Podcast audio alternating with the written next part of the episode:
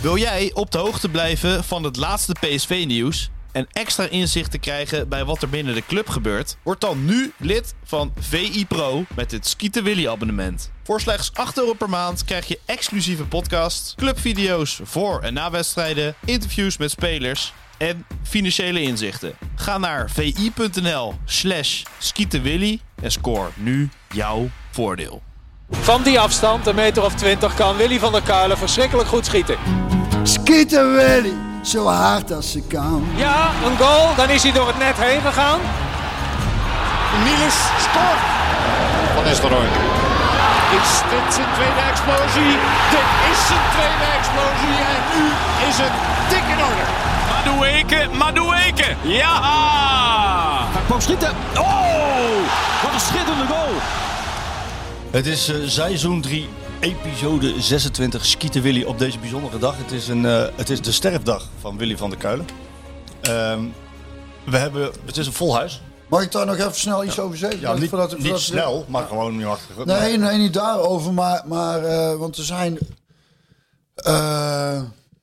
even, daar heb ik wel gelezen. Even Lefer is ook overleden. Is ook oud PSV'er. Van de autobanden ook. En dat zegt jou niks, maar ik stond Nee. vroeger op de L-site en dan eh, werd er altijd, was er altijd eh, nog een sp- een speaker of dat was zo'n standaard bandje. En ik zei, automobilist opgelet. Koopt uw autobanden ook al bij Lefer autobanden? Die beste man is eh, helaas overleden, maar ook Jantje van Doorn. En daar heb ik niks over gelezen. En Jantje van Doorn was nog materiaalman Ja, die bij heb ik- PSV. Daar heb ik wel wat van gehoord gisteren toen ik er was bij, bij, bij PSV. Oh, toch wel? Rick had Want ik verhoorde het van eh Mirjam Ploegsma. En ik heb, maar ik heb in de krant of ik heb daar nergens iets over op social media ook niks van gezien. En, en Jantje van Doorn was wel echt een hele mooie mens. Ook met die rookte dan altijd check met echt tot, tot het echt niet meer verder kon. Dat vind ik ook goed. Hè? Ja, dat je je vingers branden. Bijna. Maar wat ik vooral weet is nog dat toen ik net bij het selectie kwam, toen was hij materiaalman. Toen, dus toen was ik 18. En, toen, en, dan, en dan als ik dan en onder Rijvers debuteerde ik. En als ik dan speelde was ik natuurlijk hartstikke zenuwachtig. En, en dan was je in de rust een beetje op zoek naar bevestiging of je het goed deed. Ja, ja, ja. En dan stond Jantje Verdoorn, die stond dan zo de deur op en dan deed hij zo. Knipoog. Ja, ja, precies. Dat zou ik ook nog even benoemd hebben. Helemaal goed. Ja, de, de, de, de luisteraar zal ook een derde stem al hebben gehoord. Ik zal hem even, eh, even proper introduceren. We hebben een gast namens de heer Atemos. Daar zit hij. Ah, gezellig hier. Gezellig. hè? Ja. Leuk dat je er bent, Aad. Vertel. ja, veel successen gehad bij KV Mechelen natuurlijk. Dames en heren, dit is- Nee. goede luisteraar. Dit is, dit is Harry, Harry Hamer, mijn, eh, mijn eh, wel, gedeer- wel gewaardeerde, zeer gewaardeerde collega van de Voetbal International. Die, hij heeft eh, ongeveer 193 jaar gewerkt bij VI.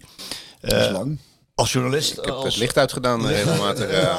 als journalist van de onverprezen rubriek, bijvoorbeeld Anno. ja. Ehm, maar ook heel lang als eindredacteur. En ik ben blij dat ik wat terug kan doen, Harry. Want Harry is natuurlijk degene die mijn verhalen gefatsoeneerd heeft, eh, Björn. Hè? Dat is eigenlijk het belangrijkste werk. Belangrijkste werk. Ja, Harry, eh. Dag, dagtaak. Dagtaak aan. Dagtaak aan. En Harry is hier niet zonder reden, want eh, Harry heeft een, eh, eh, je, hebt, eh, je hebt een boek geschreven over PSV. Voordat je daarop doorgaat, je bent eigenlijk gewoon een Feyenoorder natuurlijk. Oh, nou, Nu kun je goed, het zeggen, hè? Goed dat je dat meteen eh, introduceert. Want ik moet eh, de, de signeersessie nog doen eh, op 28 april. Gooi ik er ook maar gelijk even in. Vrijdag 28 april bij, boek eh, bij Boekhandel van Pieren. 110 memorabele wedstrijden van PSV. Ja. Uitgerekend in het jaar dat ze 110 jaar bestaan. Nou, wat een toeval, hè? Kan geen toeval nou, nou, nou, ik ben blij dat ze geen 300 jaar bestaan. Nee, dat is uiteraard eh, met elkaar eh, verbonden. Ehm, Nog even ik kwam- 28 april zeg je, en waar? Ja, in boekhandel van Pieren, hier in het, eh, het centrum van Eindhoven. met? Signeersessie met Willy en René van der Kerkhof. Kijk, dat is de leuk. enige tweeling die ooit een WK-finale gespeeld heeft. Voor de, voor de jongere luisteraars die dat misschien niet weten. Dan gaan we straks wel gaan uitgebreid over jouw Ja. boek praten. Harry is namelijk ook, dat zul je deze uitzending wel merken, waar jij en ik nog geregeld gaten in ons geheugen hebben. Zeker. Is Harry Vooral in een wandelende Ah. encyclopedie. Je zit hier tegenover de 40-voudig eh, wereldkampioen eh, quiz, voetbalquiz. Negen, negenvoudig Nederlands kampioen. Negenvoudig Om het maar Nederlands even kampioen precies eh, te zeggen. Ja, ja, en toen kwam natuurlijk Michel Abing langs. Die, die, ja, eh, ja. die, die is ook fenomenaal. Hè? Nou, ja, het is ja, dit- nog, nog, nog fenomenaler dan ik. Eh, die, die, die weet op een gegeven moment zoveel. Maar niet alleen van voetbal. Hè, ook van, an- ik weet ook wel van andere dingen redelijk wat. Van muziek bijvoorbeeld. Ehm, maar, maar hij weet echt... ja, bij wijze van spreken van wat er op de maan eh, zich afspeelt, weet hij allemaal nog. En ik moet zeggen dat, eh, je hebt het over gaten in het geheugen, die beginnen bij mij, ik ben nou 54, begint dat langzamerhand ook wel een beetje te komen hoor. Dat ik steeds meer moeite moet doen om onthouden. feitjes naar boven Ja, maar te ja, halen. je hebt Ja. ook zoveel op je harde schijf staan. Dat, kun- niet Ja, dat, zijn, jongen. dat is waar. Ik heb niet voor niks zo'n groot hoofd, zeg ik altijd. Het is, het is, voor deze jongens is het, is het, is het natuurlijk een fantastische week. Hè. Eerst Roma. Eh, ik kijk ook even Sjoerd aan natuurlijk. hè. Eerst Roma. Hij was er gewoon in, in Leeuwarden. Hè. Er mogen geen Feyenoord-fans mochten er in Leeuwarden. Maar wie was er gewoon? Sjoerdje was er gewoon. Was gewoon. Sjoerdje was er gewoon. Eh, en Harry natuurlijk ook. Want, eh, ja, je bent Nee, ik zat gewoon voor de tv. Ik zat gewoon voor de tv hoor. Ik zag gewoon, jij bedoelt, maar je bent, ik bedoel, het zijn mooie weken voor je. hè. Je gaat, jullie, jullie gaan lekker kampioen worden. Ja, ja eh, dat durf ik nu zelfs eh, wel eh, Wel- te zeggen. Ja, eindelijk. Sjoerd begon net ook apparaatjes te krijgen. Ja. Cynicus en, en, en eh, ik ben altijd ik ben regelmatig door Martijn Krabbendam eh, beticht van negativisme. Ja. Eh, ik kan me bijvoorbeeld nog herinneren dat eh, na de beroemde 6-2 tegen Ajax, dat ik op de redactie kwam en iedereen naar mij toe kwam alsof ik zelf meegedaan had van gefeliciteerd. Ik zei jongens, luister nou, volgende week Excelsior uit, gaan ze gewoon verliezen. Oh, wel nee, omdat ik, eh, 2-1 voor Excelsior hè? Exact. Ja, Juist. exact. Ja, maar dat is, dus ze zijn, ze zijn een, beetje een beetje gehard door het leven en, eh, en door de ervaring eh, van het lijden van een Feyenoord supporter. Maar dat maakt het dan des te leuker als je dan eindelijk eens een keer wel wat wint. Ja, Ja, dat, is, zo. absoluut eh, waar. Dat is toch weer En- een heel en, positieve ja, inslag dan. Ja, en, en mijn jongste dochter die, eh, die voetbalt ook. En die is inmiddels ook aangestoken met dat virus. Dus die zit, eh, die zat, zit al nu aan mij te vragen en te lobbyen of ze morgenavond laat mag opblijven. Want die wedstrijd begint pas om 9 uur. Ja, ze zit in groep 8, dus uh, joh, ze dat gaat toch naar de middelbare school. is toch geen enkel Dus probleem. dat is toch al geregeld. We gaan Feyenoord kijken, man. Tuurlijk. Eh, we gaan kan- straks uitgebreid over jouw boek hebben. Je- Er, Ja, is, hier, er dat- is hier nog iets eh, aan de hand, eh, Björn. Eh, ben je, wat is hier aan de hand? We worden opgenomen. Ja, er wordt een eh, documentaire over mij. Maar dit, Nou, ik moet meteen zover. denken aan die film. eh, eh, hoe heet die ook weer? Along Came Polly. Dat dan, ken je die niet? Nee. Along Came Polly? Met eh, een geweldige rol van Philip Seymour Hoffman. Sowieso een van mijn favoriete acteurs. En Helaas zo- overleden. Helaas overleden. Ontzettend komisch. Maar die, die, die laat dan ook een documentaire over zichzelf maken. Maar deze...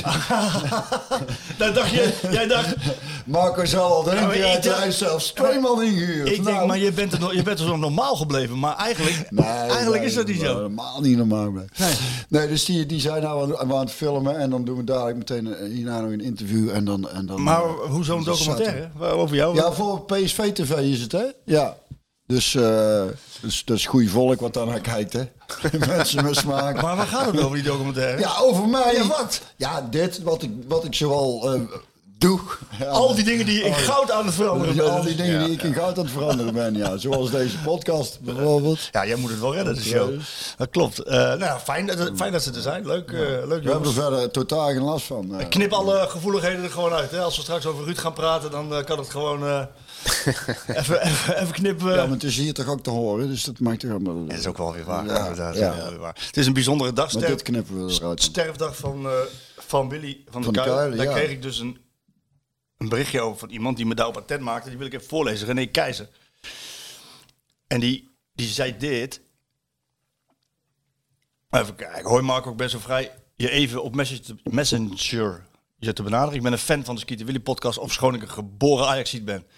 Die weliswaar in Brabant is geboren, maar wel van Amsterdamse makelij. Nu is het volgende week, de 19 april, op jullie opname de sterfdag van meneer Van der Kuilen. Ik had toen op 19 april 2021 een kleine anekdote geschreven over meneer Van der Kuilen. Dat jullie misschien kunnen gebruiken bij deze gelegenheid. Misschien doe je er wat mee en misschien ook niet. Altijd goed. Groetjes, René Keizer. Dus dit schreef hij dus twee, twee jaar geleden. Vandaag hoorde ik het trieste nieuws van het overlijden van meneer Willy van der Kuilen. Ik zeg meneer, omdat ik heel veel respect had voor meneer van der Kuilen. Hoewel ik uit een Amsterdamse nest kom, heb ik hem altijd wel stiekem bewonderd. Ik ging vroeger wel eens naar het PSV-stadion en dan kwam ik eigenlijk alleen voor Willy. Wat kon hij ongegeneerd hard schieten. Daarnaast natuurlijk behept met een goede techniek en mentaliteit. Een stylist, een gentleman in en buiten het veld. En natuurlijk zal hij door met name PSV nodig worden gemist. Weer een legende die veel te vroeg is overleden. Ik ben in de gelukkige omstandigheid geweest meneer Van der Kuilen tweemaal te hebben mogen ontmoeten. Eenmaal langs het veld, bij de hertgang, toen die kleine van mij daar mocht komen om te kijken of hij bij PSV paste. Hij was wel gecharmeerd van die kleine en heb een tijdje met hem gesproken over voetbal. Een hele aardige en normale man die wist waar hij het over had. De man kwam graag naar die kleine mannen kijken. De onbevangenheid en het plezier van die mannekes zal hem telkens weer hebben doen terugdenken aan zijn mooie tijden als voetballer. Dat meende ik althans in zijn ogen terug te zien.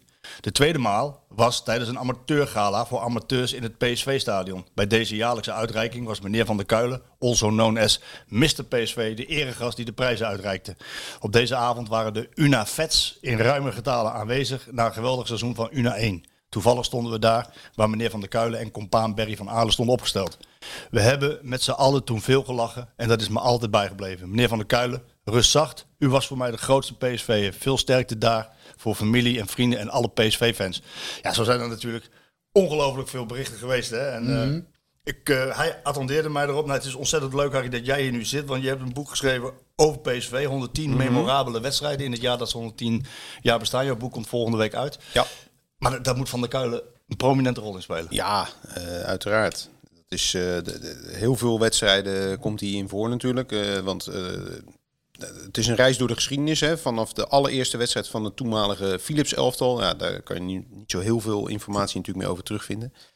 Eh, zeker niet de spelers van toen nog spreken. Eh, maar gaan we helemaal door tot, eh, tot aan de, de 4-3 van PSV Feyenoord van dit seizoen. Tot dusverre de enige ploeg die Feyenoord verslagen heeft. Eh, dus dat is ook wel. eh, en in een, in een fantastische wedstrijd natuurlijk was dat. En, maar het grootste deel van die wedstrijden eh, komt toch wel uit de jaren 70 en 80. Eh, wat was natuurlijk de, de gloriejaren van, van PSV. En met name van Willy van der Kuilen, de jaren 70 vooral. En ehm, ja, ik heb hem helaas zelf natuurlijk niet meer kunnen spreken voor dit boek. Maar hij wordt wel regelmatig opgevoerd. eh het door mijzelf, het zij door ploeggenoten van toen. Eh, Jan Poortvliet heb ik gesproken, die lyrisch over hem is natuurlijk. Eh, de gebroeders van de Kerkhof. Nou ja, je kan het zo gek niet bedenken. En eh, wat deze meneer net schreef, dat klopt volledig. Hij kon ongelooflijk hard schieten. Twee benen. Maar vooral met links en rechts. Hè. Dat, dat is echt uniek. En ik beschrijf ook in het boek bijvoorbeeld zijn, zijn doelpunt in de finale, de UEFA Cup finale van 1978 tegen Bastia. Waarin hij de beslissende 3-0, of tenminste de allesbeslissende 3-0 maakte. Nou, dat was typisch een doelpunt wat eh, de- de- precies de, de, de, de, de kracht van Van der Kuilen weer gaf. Haal het nog eens even naar boven, maak het eens beeldend. Nou, ik heb komt- het niet op mijn netvlies. Nee, komt een, een, eh, het, het is net daarvoor, twee minuten daarvoor is het al 2-0 geworden. Eh, nou, PSV is al veel sterker dan Bastia. Dus de wedstrijd is eigenlijk al beslist. Maar goed, twee minuten daarna, Jan Poortvliet geeft de bal voor vanaf rechts. Lage bal, eigenlijk een beetje mislukte voorzet. Een van die Franse verdedigers probeert hem weg te koppen, vallend. Maar die mist die bal totaal. Komt die, schiet die bal door ineens bij Van der Kuilen. Die schrikt niet. Die neemt die bal fantastisch aan met links. Poeiert hem vervolgens met zijn rechter tegen de kruising. Die bal komt terug. Hij neemt hem weer gewoon perfect aan. Net zo makkelijk en schiet hij met zijn linkerbeen laag in de andere hoek. Nou, daarin zit eigenlijk alles wat deze man zo, zo goed maakte op één ding na. Eh, hij had er ook nog een fantastische kapbeweging altijd bij. Eh, waarmee hij dan, eh, ja, dan, dan, dan kapte die bal van rechts naar links of andersom. Dat maakte bij hem niks uit. Vlogen de twee verdedigers eh, vlogen er voorbij het bos in. En hij schoot vervolgens die bal keihard binnen. Nou, dat, dat maakte deze man zo goed. En wat ik dan vooral ook nog beschreven heb in het boek, dat vond ik ook wel even te vermelden waard. De manier waarop hij dan een doelpunt vierde. Dat was nog gewoon zo mooi, karakteristiek, jongensachtig. Ja. Gewoon eh, vuist in de lucht.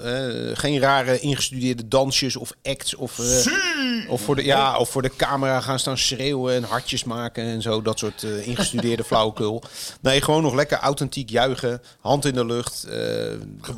Gebalde vuist door de lucht zwaaien. En dan gewoon dat vieren met je ploeggenoten. Zoals het hoort, wat mij betreft. Mooi is dat, hè? Dat, dat, dat juichen inderdaad. Dat is, Ja. helemaal- heeft een vlucht genomen. Dat slaat helemaal nergens op.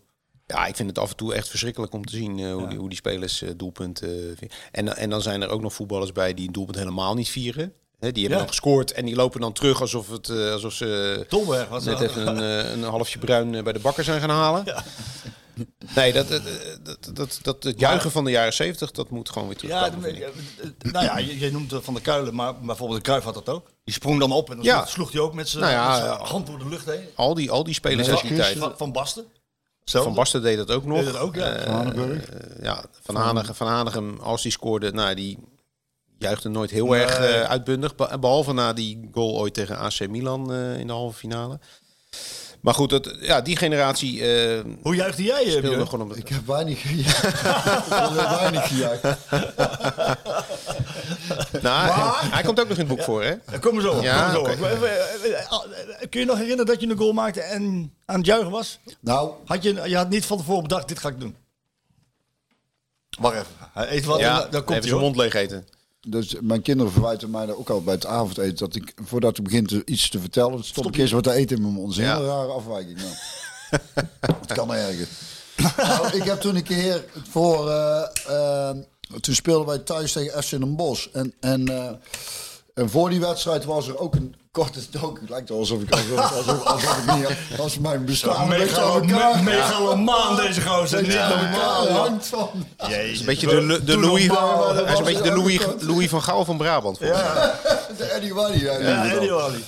Maar, maar eh, en, en, dus, en, dus, de, de, en dan hadden wij in de spelersroom van tevoren voor de wedstrijd zitten kijken. En dan was dat ik een beetje gitaar zat te spelen en zo. Dus wat ik me over opvallend, ja, maar de- toen scoorde ik wel een mooie goal trouwens tegen FC Den Bosch. eh, de 7-0 geloof ik. Die Oh, het was een hele belangrijke goal, ja. Een hele belangrijke. Nou, voor doelsaldo. Maar toen deed ik, speelde ik even Luchtgitaar. luchtgitaar. luchtgitaar ja. Omdat dat dus, omdat Gerards vond het wel leuk dat we daar naar hadden zitten kijken. Dus toen was Ja, dat die snap ik nog. Die snap. Ja, die kan. En verder, maar we hebben ook ooit op zo'n op zo'n dat WK in Qatar. Je, onder 21, van die jonge Oranje. En dat weet ik, want El zat toen eh, voor de, te kijken. En toen speelden we tegen Honduras. En toen wonnen we daar met... Uiteindelijk is die wedstrijd Die werd ges- gestaakt vanwege Ja, eh, al die rode kaarten. Al die rode Ja, kaarten. ik ben toen ook uitgeschopt. Maar eh, toen hadden wij ook dat we, dat we na een goal eh, toen... En dat was niet van tevoren bedacht. Maar toen ging iemand zo'n treintje maken. En Elle die zat thuis en die, en die Ja. dacht... Als hij me niet, als hij me niet meedoet, dan dan weet ik het echt erbij zo. Jij was de machinist. ja, dat ik net niet, maar... Dus dat was ook al een vrij eh, Komisch. een fout, ja. Ja, nou ja. Ja, goed, het heeft een vlucht genomen. In de jaren 70, 80 was dat nog... Ellen Shearer. Toen nog kan ik niet. me ook zo... Eh, Ja, dat was ook heel simpel. Gewoon één hand omhoog, Ja, altijd de rechterhand omhoog en dan gewoon weglopen. Ja. ja. weglopen. Ik schiet me ineens te binnen. Ja. Eh, Nou, er was natuurlijk wel een, ook een, een beroemde PSV'er die een eh, be- bijzondere manier van juichen geïntroduceerd Kerstman. heeft. Kerstman, ja. deze... Duimpjes naar achteren zo. Oh, dat was erg, hè? Ja, nou ja. Die vond ik heel erg, Die man. vond ik ook niet Ja. Kerstman... Nee, nee, wat Ik vond het, ik wel vond het een goeie- onnodig, want iedereen begreep toch wel dat hij gescoord had. Ja. En ik vond het een geweldige jongen trouwens. Een geweldige speler. Maar, maar ik, dat, dat, die, die heb ik ook nooit zo... Ik heb hem geïnterviewd, een paar keer. En eh, wat mij... eh, even los van die interviews. eh, maar wat, wat mij is bijgebleven, wat hij zei... Wat, ik vroeg, wat, wat zijn nou de mooiste goals om te maken voor spits? En toen zei, en toen zei hij... En achteraf begrijp ik het wel, maar toen dacht ik van, waarom zeg je dat nou? Ja, iedereen wil een omhaal maken of een koppel in de kruising of eh, een mooie solo en dan afronden à la Romario. En hij zei, die ballen die ik zo in een leeg doel kan lopen. dat is de allerlelijkste goal. Die vond hij de mooiste. Die heeft natuurlijk veel gemaakt. Tenminste, Ja. hij stond altijd goed. Hij is altijd goed, ja. ja. Ja. En... eh, Die komt zeker ook in je, in je boek eh, voor. De, de, de, de kogel van Kerstman heb ik die genoemd. Ja, die tegen Manchester United. dat je, dat was En dat is meteen weer de link met jou, want jij speelde in die wedstrijd mee. Ja, ja die komt er uiteraard ook in voor. Die staat vrij hoog in de ranglijst. Moet overigens Oh, je zeggen... hebt een ranglijst gemaakt? Ja, ik heb een ranglijst gemaakt, maar die is heel erg Subjectief. eh, arbitrair hoor. En ja, ranglijsten zijn altijd subjectief. Kijk, ik ben uitgegaan van. Behalve de eh, Eredivisie-ranglijst. Die is subjectief. eh, nee, die niet. Die niet. Maar die is gewoon puur op basis van prestaties. Dit, dit is gewoon natuurlijk wat ik zelf heb samengesteld. Nee, kijk, er is wat mij betreft eh, maar één, nummer één, daar kan geen discussie over zijn. Eh, de meest legendarische wedstrijd. En dat is natuurlijk de wedstrijd waarin PSV de Europa Cup won. Dat kan ik nu wel verklappen. Eh, alles wat daarna komt, eh, voordat mensen straks boze brieven gaan sturen of weet ik Die veel gaan wat. er eh, zeker komen. Wel ja, nee, joh. tuurlijk, tuurlijk. Wel nee. nee. maar goed. De, ik, ik zal vast, er zullen vast wedstrijden zijn waarvan sommige mensen zullen zeggen van... ja, waarom heb je die er niet in staan? Of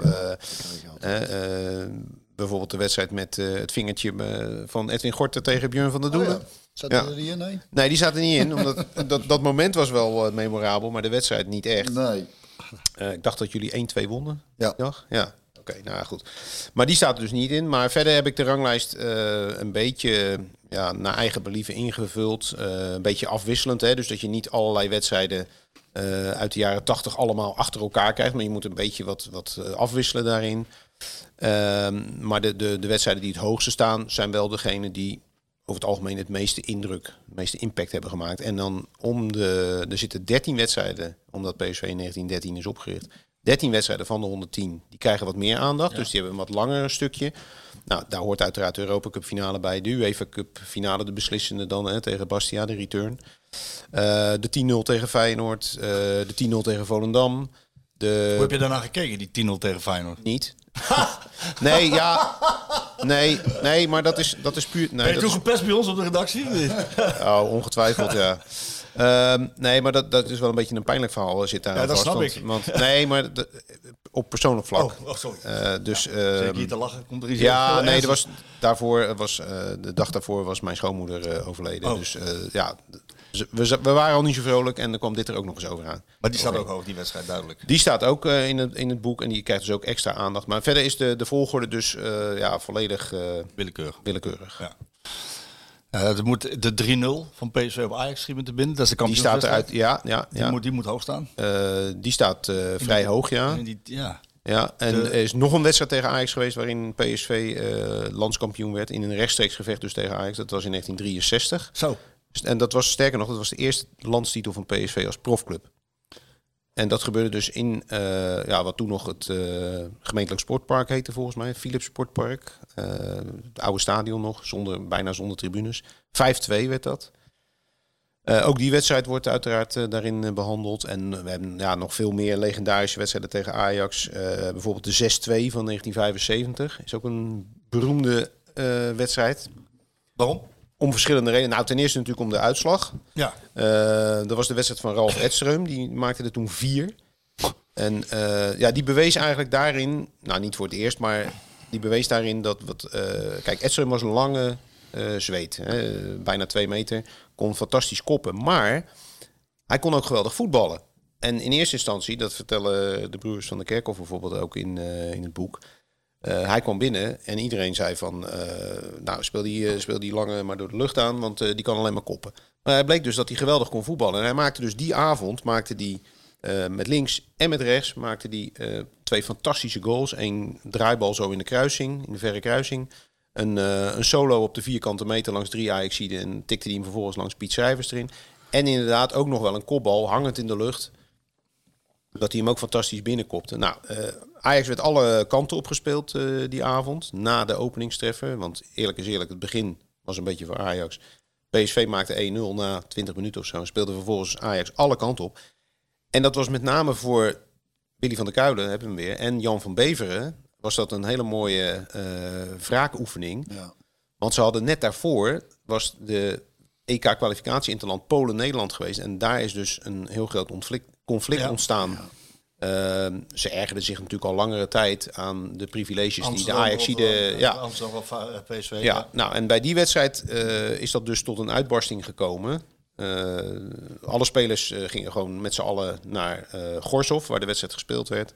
Cruijff mocht later Gingen daar trainen. Cruijff en Neeskens kwamen vanuit Barcelona. En die kwamen pas eh, de dag voor de wedstrijd kwamen ze aan, terwijl de training bezig was. Nou, wat deed de bondscoach van toen, George Knobel, een Brabander notabene? Die legde doodleuk de training stil. En die ging eh, de heren begroeten daar. En toen schijnt Van der Kuilen zo'n beetje eh, cynische opmerking te hebben gemaakt van... eh, oh, daar heb je ze dan hoor, de sterren uit Barcelona. Ja. Nou, dus die, dat, dat lag al niet lekker. De volgende dag speelden ze allemaal mee. Hè? Neeskens, ook al hadden ze niet meegetraind. van der Kuilen en Van Beveren. En Nederland werd daar met 4-1 van het veld afgeblazen. Afgedroogd. Nou, meteen kwamen de verwijten over en weer. Eh, de, de AXI'den gaven de PSV'ers de schuld. De PSV'ers zeiden, ja, maar jullie zijn niet professioneel. Eh, ook al waren Cruijff en Neeskens dan weg bij Ajax. Maar ze golden natuurlijk nog wel als Ajaxide. AXI'den, Amsterdam. Nou, dat leverde een enorm conflict op. Eh, toen kwam deze wedstrijd er dus achteraan. En hoewel Cruijff en Neeskens niet meededen, vonden met name Van Bever en Van der Kuilen vonden het natuurlijk fantastisch dat ze Ajax met 6-2 eh, afdroogden die avond. Ja. En dat heeft wel degelijk meegespeeld. Een maand later was overigens de, de, de return tegen Polen. Ja, het was een poolwedstrijd, maar dus niet echt een return. Maar in ieder geval de thuiswedstrijd tegen Polen. Toen wilden Van der Kuilen en Van Bever eerst niet meespelen. Die zijn toen overgehaald door Knobel om alsnog te komen. Maar er moest wel eerst een eh, gesprek komen in Zeist. Om even het oud zeer uit te De te praten. klaren. Nou, dat is volkomen mislukt, want dat is, een, dat is uitgedraaid op een, eh, nog grotere ruzie. En, eh, en dat is dus het fameuze moment geweest waarop de, de beide heren toen hun koffers hebben gepakt en gezegd hebben van eh, de groeten, wij spelen niet meer voor het Nederlands elftal. Dat hier en niet verder. Ja. Ja. En deze, nou, deze wedstrijd was dus eigenlijk, eh, voor hen althans, was dat, ja, de, de, de, de gebroeders van de Kerkhof zeiden dat dat bij hen in ieder geval niet meespeelde. Nou, ik geloof ze daar maar eh, op hun woord. Maar in ieder geval voor eh, Van der Kuilen en Van Beveren, we kunnen het ze helaas niet meer vragen ook. Maar was dat echt wel eh, de ultieme revanche? Heb je hem ook zo genoemd, de revanchewedstrijd? Eh, ja, Zoete Wraak heb ik hem Zoete genoemd. Wraak, ja, ja. ja. Ja, Nou ja, dat zijn natuurlijk. Kijk, dit is natuurlijk de periode dat ook de, de verschuiving kwam hè, van ja, het, het westen Ja. richting Brabant. De- en, en ook dat de, de lat, waar PSV nu nog steeds tegenaan moet, daar werd bepaald hoe hoog dus. Dat, was, dat werd de maat. Ja. Kampioen worden. Ja. Ja, dat, dat, eh, dus ze namen dus in, eh, in, 1904 in het seizoen 74, 75 eh, de macht eigenlijk over van op dat moment van Feyenoord. Die waren regerend kampioen. Daarvoor was Ajax natuurlijk een paar keer achter elkaar geworden. Ja, en, Dus- en ook die Europa Cup natuurlijk eh, van Ajax en, en Feyenoord. Ja, ja, dus, dus eh, eigenlijk waren Ajax en Feyenoord waren natuurlijk de teams van, eh, van grootmachten. eh, ja, de grootmachten. En PSV nam het ineens over. Eh, toen overigens nog niet. Dat is eigenlijk pas in de jaren tachtig gekomen dat er dus heel veel geld in werd gepompt eh, door, door Philips. Maar het team van, van 74, 75, 76, die periode, dat was, eh, was eigenlijk ook een vriendenteam. Bijna alleen maar eh, Brabantse en Limburgse jongens. Met een enkele eh, buitenlander of een geboren Westerling. Hè. Jan van Beveren was zelf een geboren Amsterdammer. Al moest hij er niks van hebben. Maar hij is er nou eenmaal wel geboren. Verhuisde op jonge leeftijd al naar Emmen. Omdat zijn vader daar voor de krant ging werken. En nou, dat verhaal is denk ik wel bekend. Ehm, maar verder was dat dus een, een voornamelijk Brabants elftal door Kees Rijvers bij elkaar eh, gezocht. En eh, Daar heb je ja, daar zou je hem hebben. wat ja. grappig. Moeten we even een Meneer, fotootje van maken? meneer, van Rij- Rijvers, meneer eh, Rijvers. Sjoerd. Ja, ja, ja. Sjoerd, die maakt even een foto van jou. Die, kijk, kan die er even op zetten? Meneer Rijvers, ja, Ja. die eh Inmiddels de, de oudste nog in leven zijnde Oranje International. 94? 97 is het volgens 97 mij inmiddels, ja. ja. En eh, ja, het schijnt ook dat, dat, hij nu, eh, dat het nu mentaal niet zo heel goed meer met hem gaat. Eh, vandaar dat ik hem ook voor dit boek eh, niet heb lastiggevallen. Maar zijn eh, dochter is eh, nog niet zo heel lang geleden ook overleden. Mm. Dus dat, eh, Ja, dat- nou, Maar ja, goed, op, kijk, op deze leeftijd is dat natuurlijk ook eh, vrij logisch. Maar, maar hij krijgt in ieder geval natuurlijk alle credits eh, van, Ja. van de mannen die in die tijd gespeeld hebben. Hij was niet alleen een, een tactisch een geweldige trainer, maar hij was ook echt een vaderfiguur. En dan met name, eigenlijk een beetje in de letterlijke zin van het woord. Want bijvoorbeeld Willy en René van der Kerkhoff hebben hun vader al op zeer jonge leeftijd verloren. Bij een verkeersongeluk. Zij waren toen nog peuters. Eh, maar ook een, iemand als Huub Stevens heeft ook op jonge leeftijd eh, had hij al geen Ja, vader meer. klopt, en, ja. en die kon dus, eh nou, Rijvers vulde die positie eigenlijk automatisch in. En daar hebben die mannen echt heel veel baat bij gehad. En daar zijn ze hem nog altijd dankbaar voor. ja. En ook een goed, een goed voetballer ook. Nou ja, dat, dat ook. Daar hoor, Ja. je, daar hoor je dan niet zo heel veel meer over. Nee. geleden is, maar Ja, en ook omdat hij natuurlijk wordt vaak, eh, hij maakte deel uit van het Gouden Binnentrio Gouden natuurlijk. Binnentrio. Ja, maar ja, of dat nou noem eens even, Vaas Wilkes. Enstra en, en, en, eh, eh, en meneer Rijvers. en, Ke- en Kees Rijvers. Ehm, maar ja, of het nou zo goud was, eh het Nederlands elftal stelde natuurlijk in die jaren eigenlijk niet veel voor. Dus ze waren vooral in Nederland heel erg goud. En, eh, Maar ja, als, we het, als we het over Rijvers hebben, hoor ik altijd alleen maar iedereen met heel veel respect. Alleen Ja. maar. Het is nooit... Ja, het was met Rijvers en, en eh, het was toch vooral het verhaal omdat zij eh, betaald voetbal gingen spelen. Eh, dat Jij hebt ook nog meegemaakt als trainer. Ja, hij heeft me laten debuteren. Ja, ja. Hij heeft mij Ja. in, in de jeugd heb ik hem leren kennen al. En, en eh, vond ik het al een hele fijne vent. hij had Atemos toen opgevolgd als uh, interim ja, coach. ja. Ja, En ja. toen kwam Tot Dick Advocaat. Ja. Ja, ja. En, ehm, en toen met de jeugdtoernooi, toen was Stevens eh, onze trainer, maar die kon toen niet mee. Dat was het toernooi in Italië. Dan ging je gewoon met de bus s'nachts 16 uur rijden. En dan kwam je daaraan. eh, Maar dat moet eh, het verschil zijn geweest. Stevens of... Dat was een groot verschil. Maar ja, inderdaad, toen kwam benadering van de zijkant van het veld compleet, compleet anders. Maar Ja. toch heb ik met alle twee zijn het toch wel een van mijn belangrijkste trainers. Bij geweest. wijze van spreken. Ja. Bij wijze van, dit nou en, eh, maar toen de Rijvers, toen op dat, dat vergeet ik eens niet meer, dan waren we op het strand aan het voetballen nog. En, eh, de- de- de- want eh, ja, we zaten daar aan de kust, Riccione volgens mij of zo, dat was het toernooi. En dan ging je s'avonds al een wedstrijd, ging je smiddags op het strand, ging dan natuurlijk ook nog voetbal. Deed hij mee en toen was hij toch volgens mij al, even kijken, hij is nou in de 90, ja, het is een jaar of 30 geleden. Dus was hij toch al in de 60, maar dan dribbel je nog hartstikke idee, zo door, er doorheen, jongen. Ja, dus, ja, was mooi, echt, eh, deed hij gewoon mee. Ja. Was wel...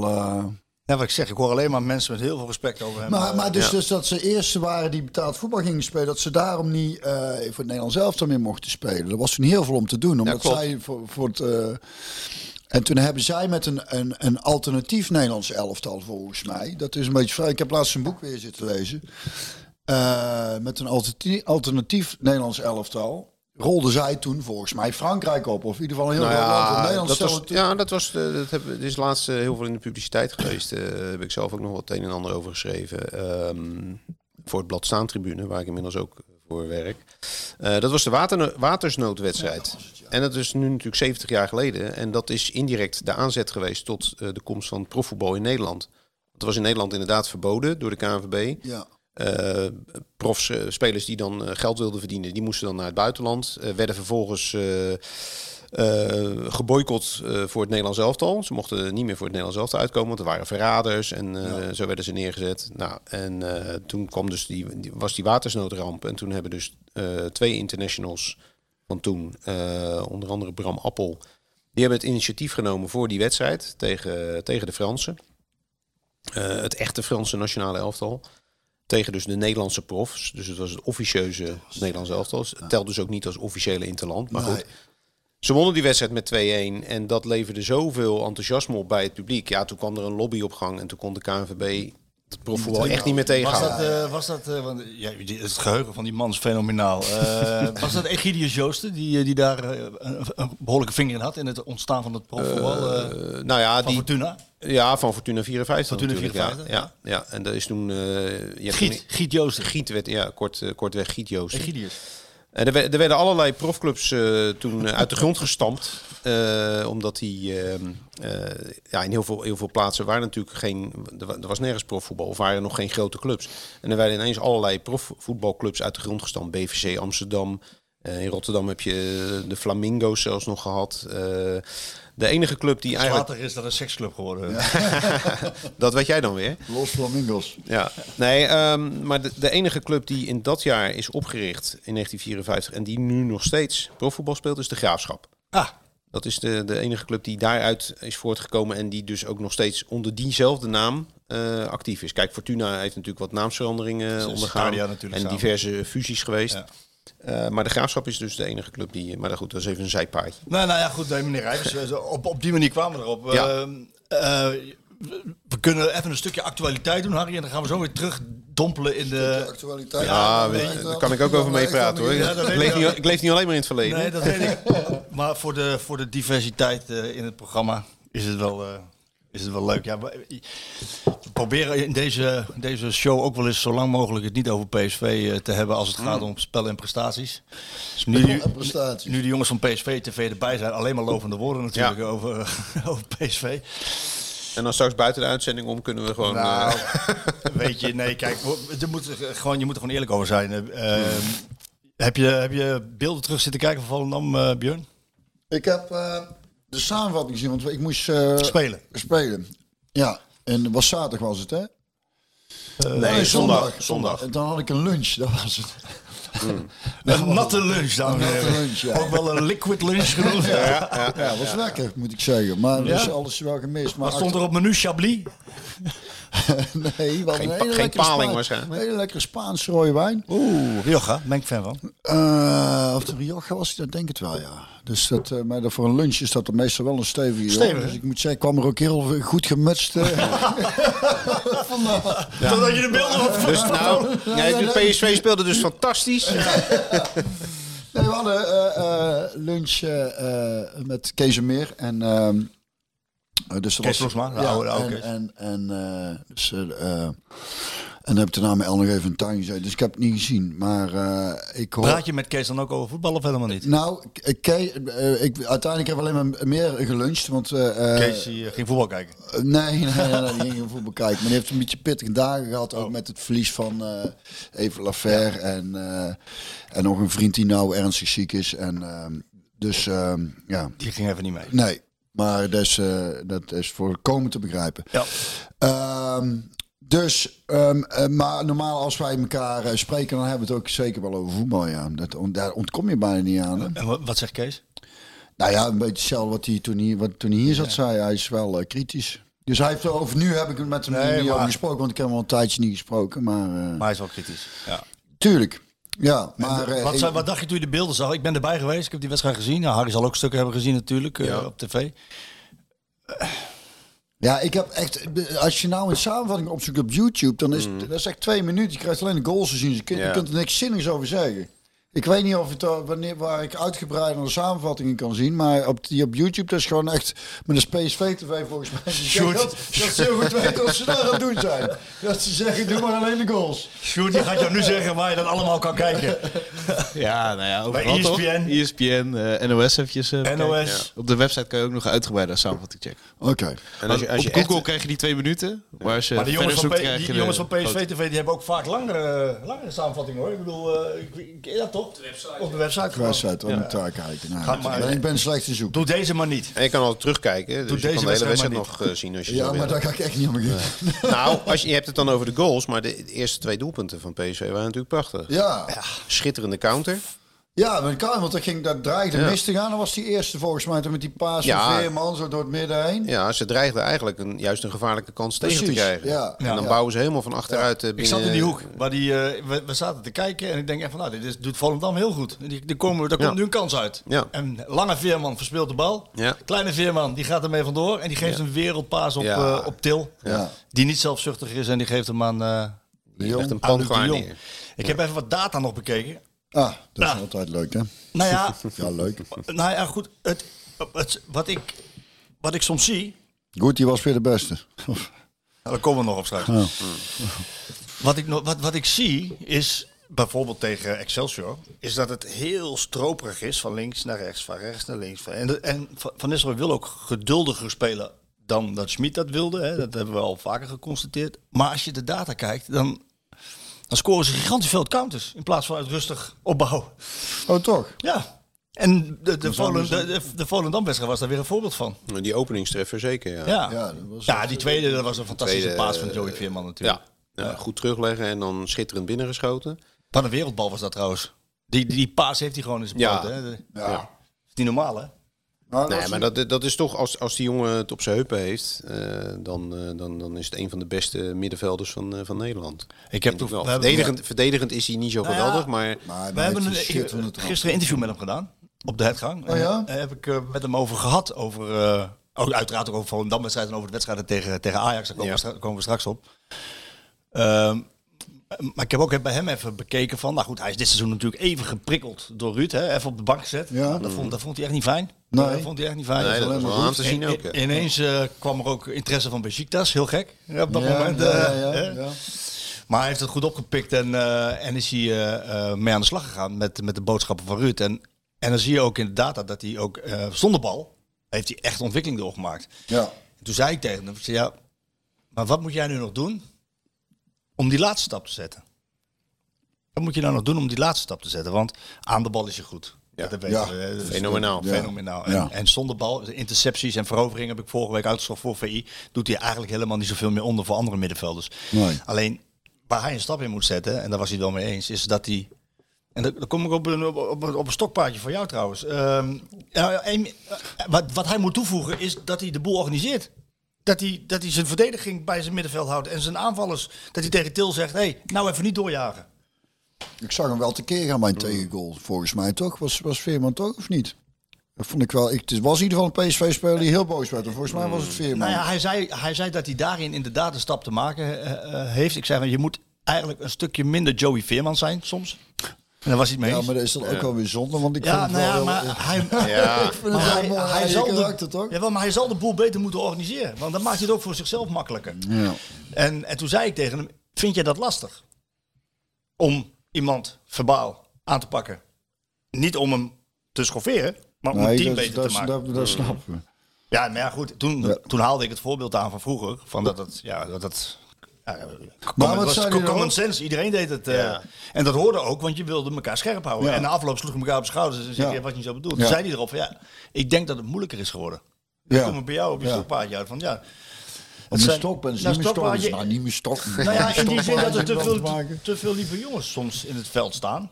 Ja, zo oogt het zo toe. het ja. en toe. Ja, En hij, ja. zei, hij zei ook van ja, ik vind dat wel, ik vind dat wel moeilijk, maar ik moet dat wel aan mijn spel toe gaan voegen. Dat, we, Mhm.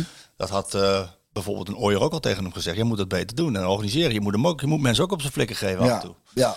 Maar kun jij je voorstellen dat het eh, nu lastiger is? Dan Ja, in is het volgens mij gewoon. Ik Waarom? heb dat, nou ja, dat weet ik niet, maar ik heb het, toen ik nog speelde, dat is lang geleden, maar toen zag ik het al een beetje gebeuren wel. Dat bij NEC, als, als een jongen dat als gewoon met een, met een afwerkoefeningen dan en, en iemand speelt hem meerdere keren gewoon, gewoon een basis, gewoon een simpele bal spits inspelen dat die bal goed is.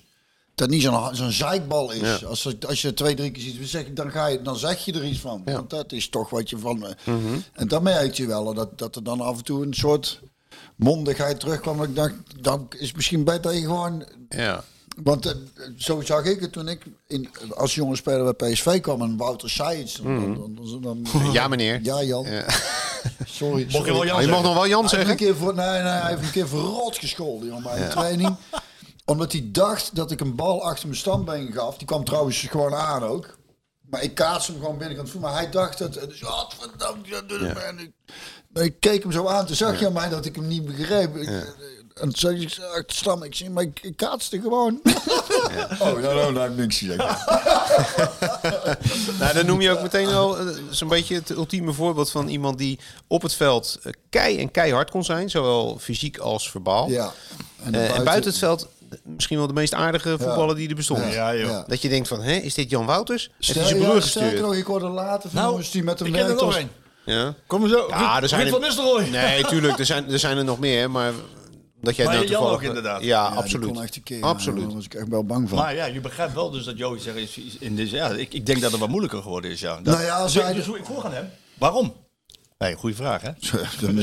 Hij, hij behoort tot, die, vragen, tot diezelfde generatie tenslotte. Nou ja, hij, eh, Joey zei van, eh, eh, omdat, eh, omdat, ik, omdat meer dan ooit je dan een weerwoord krijgt.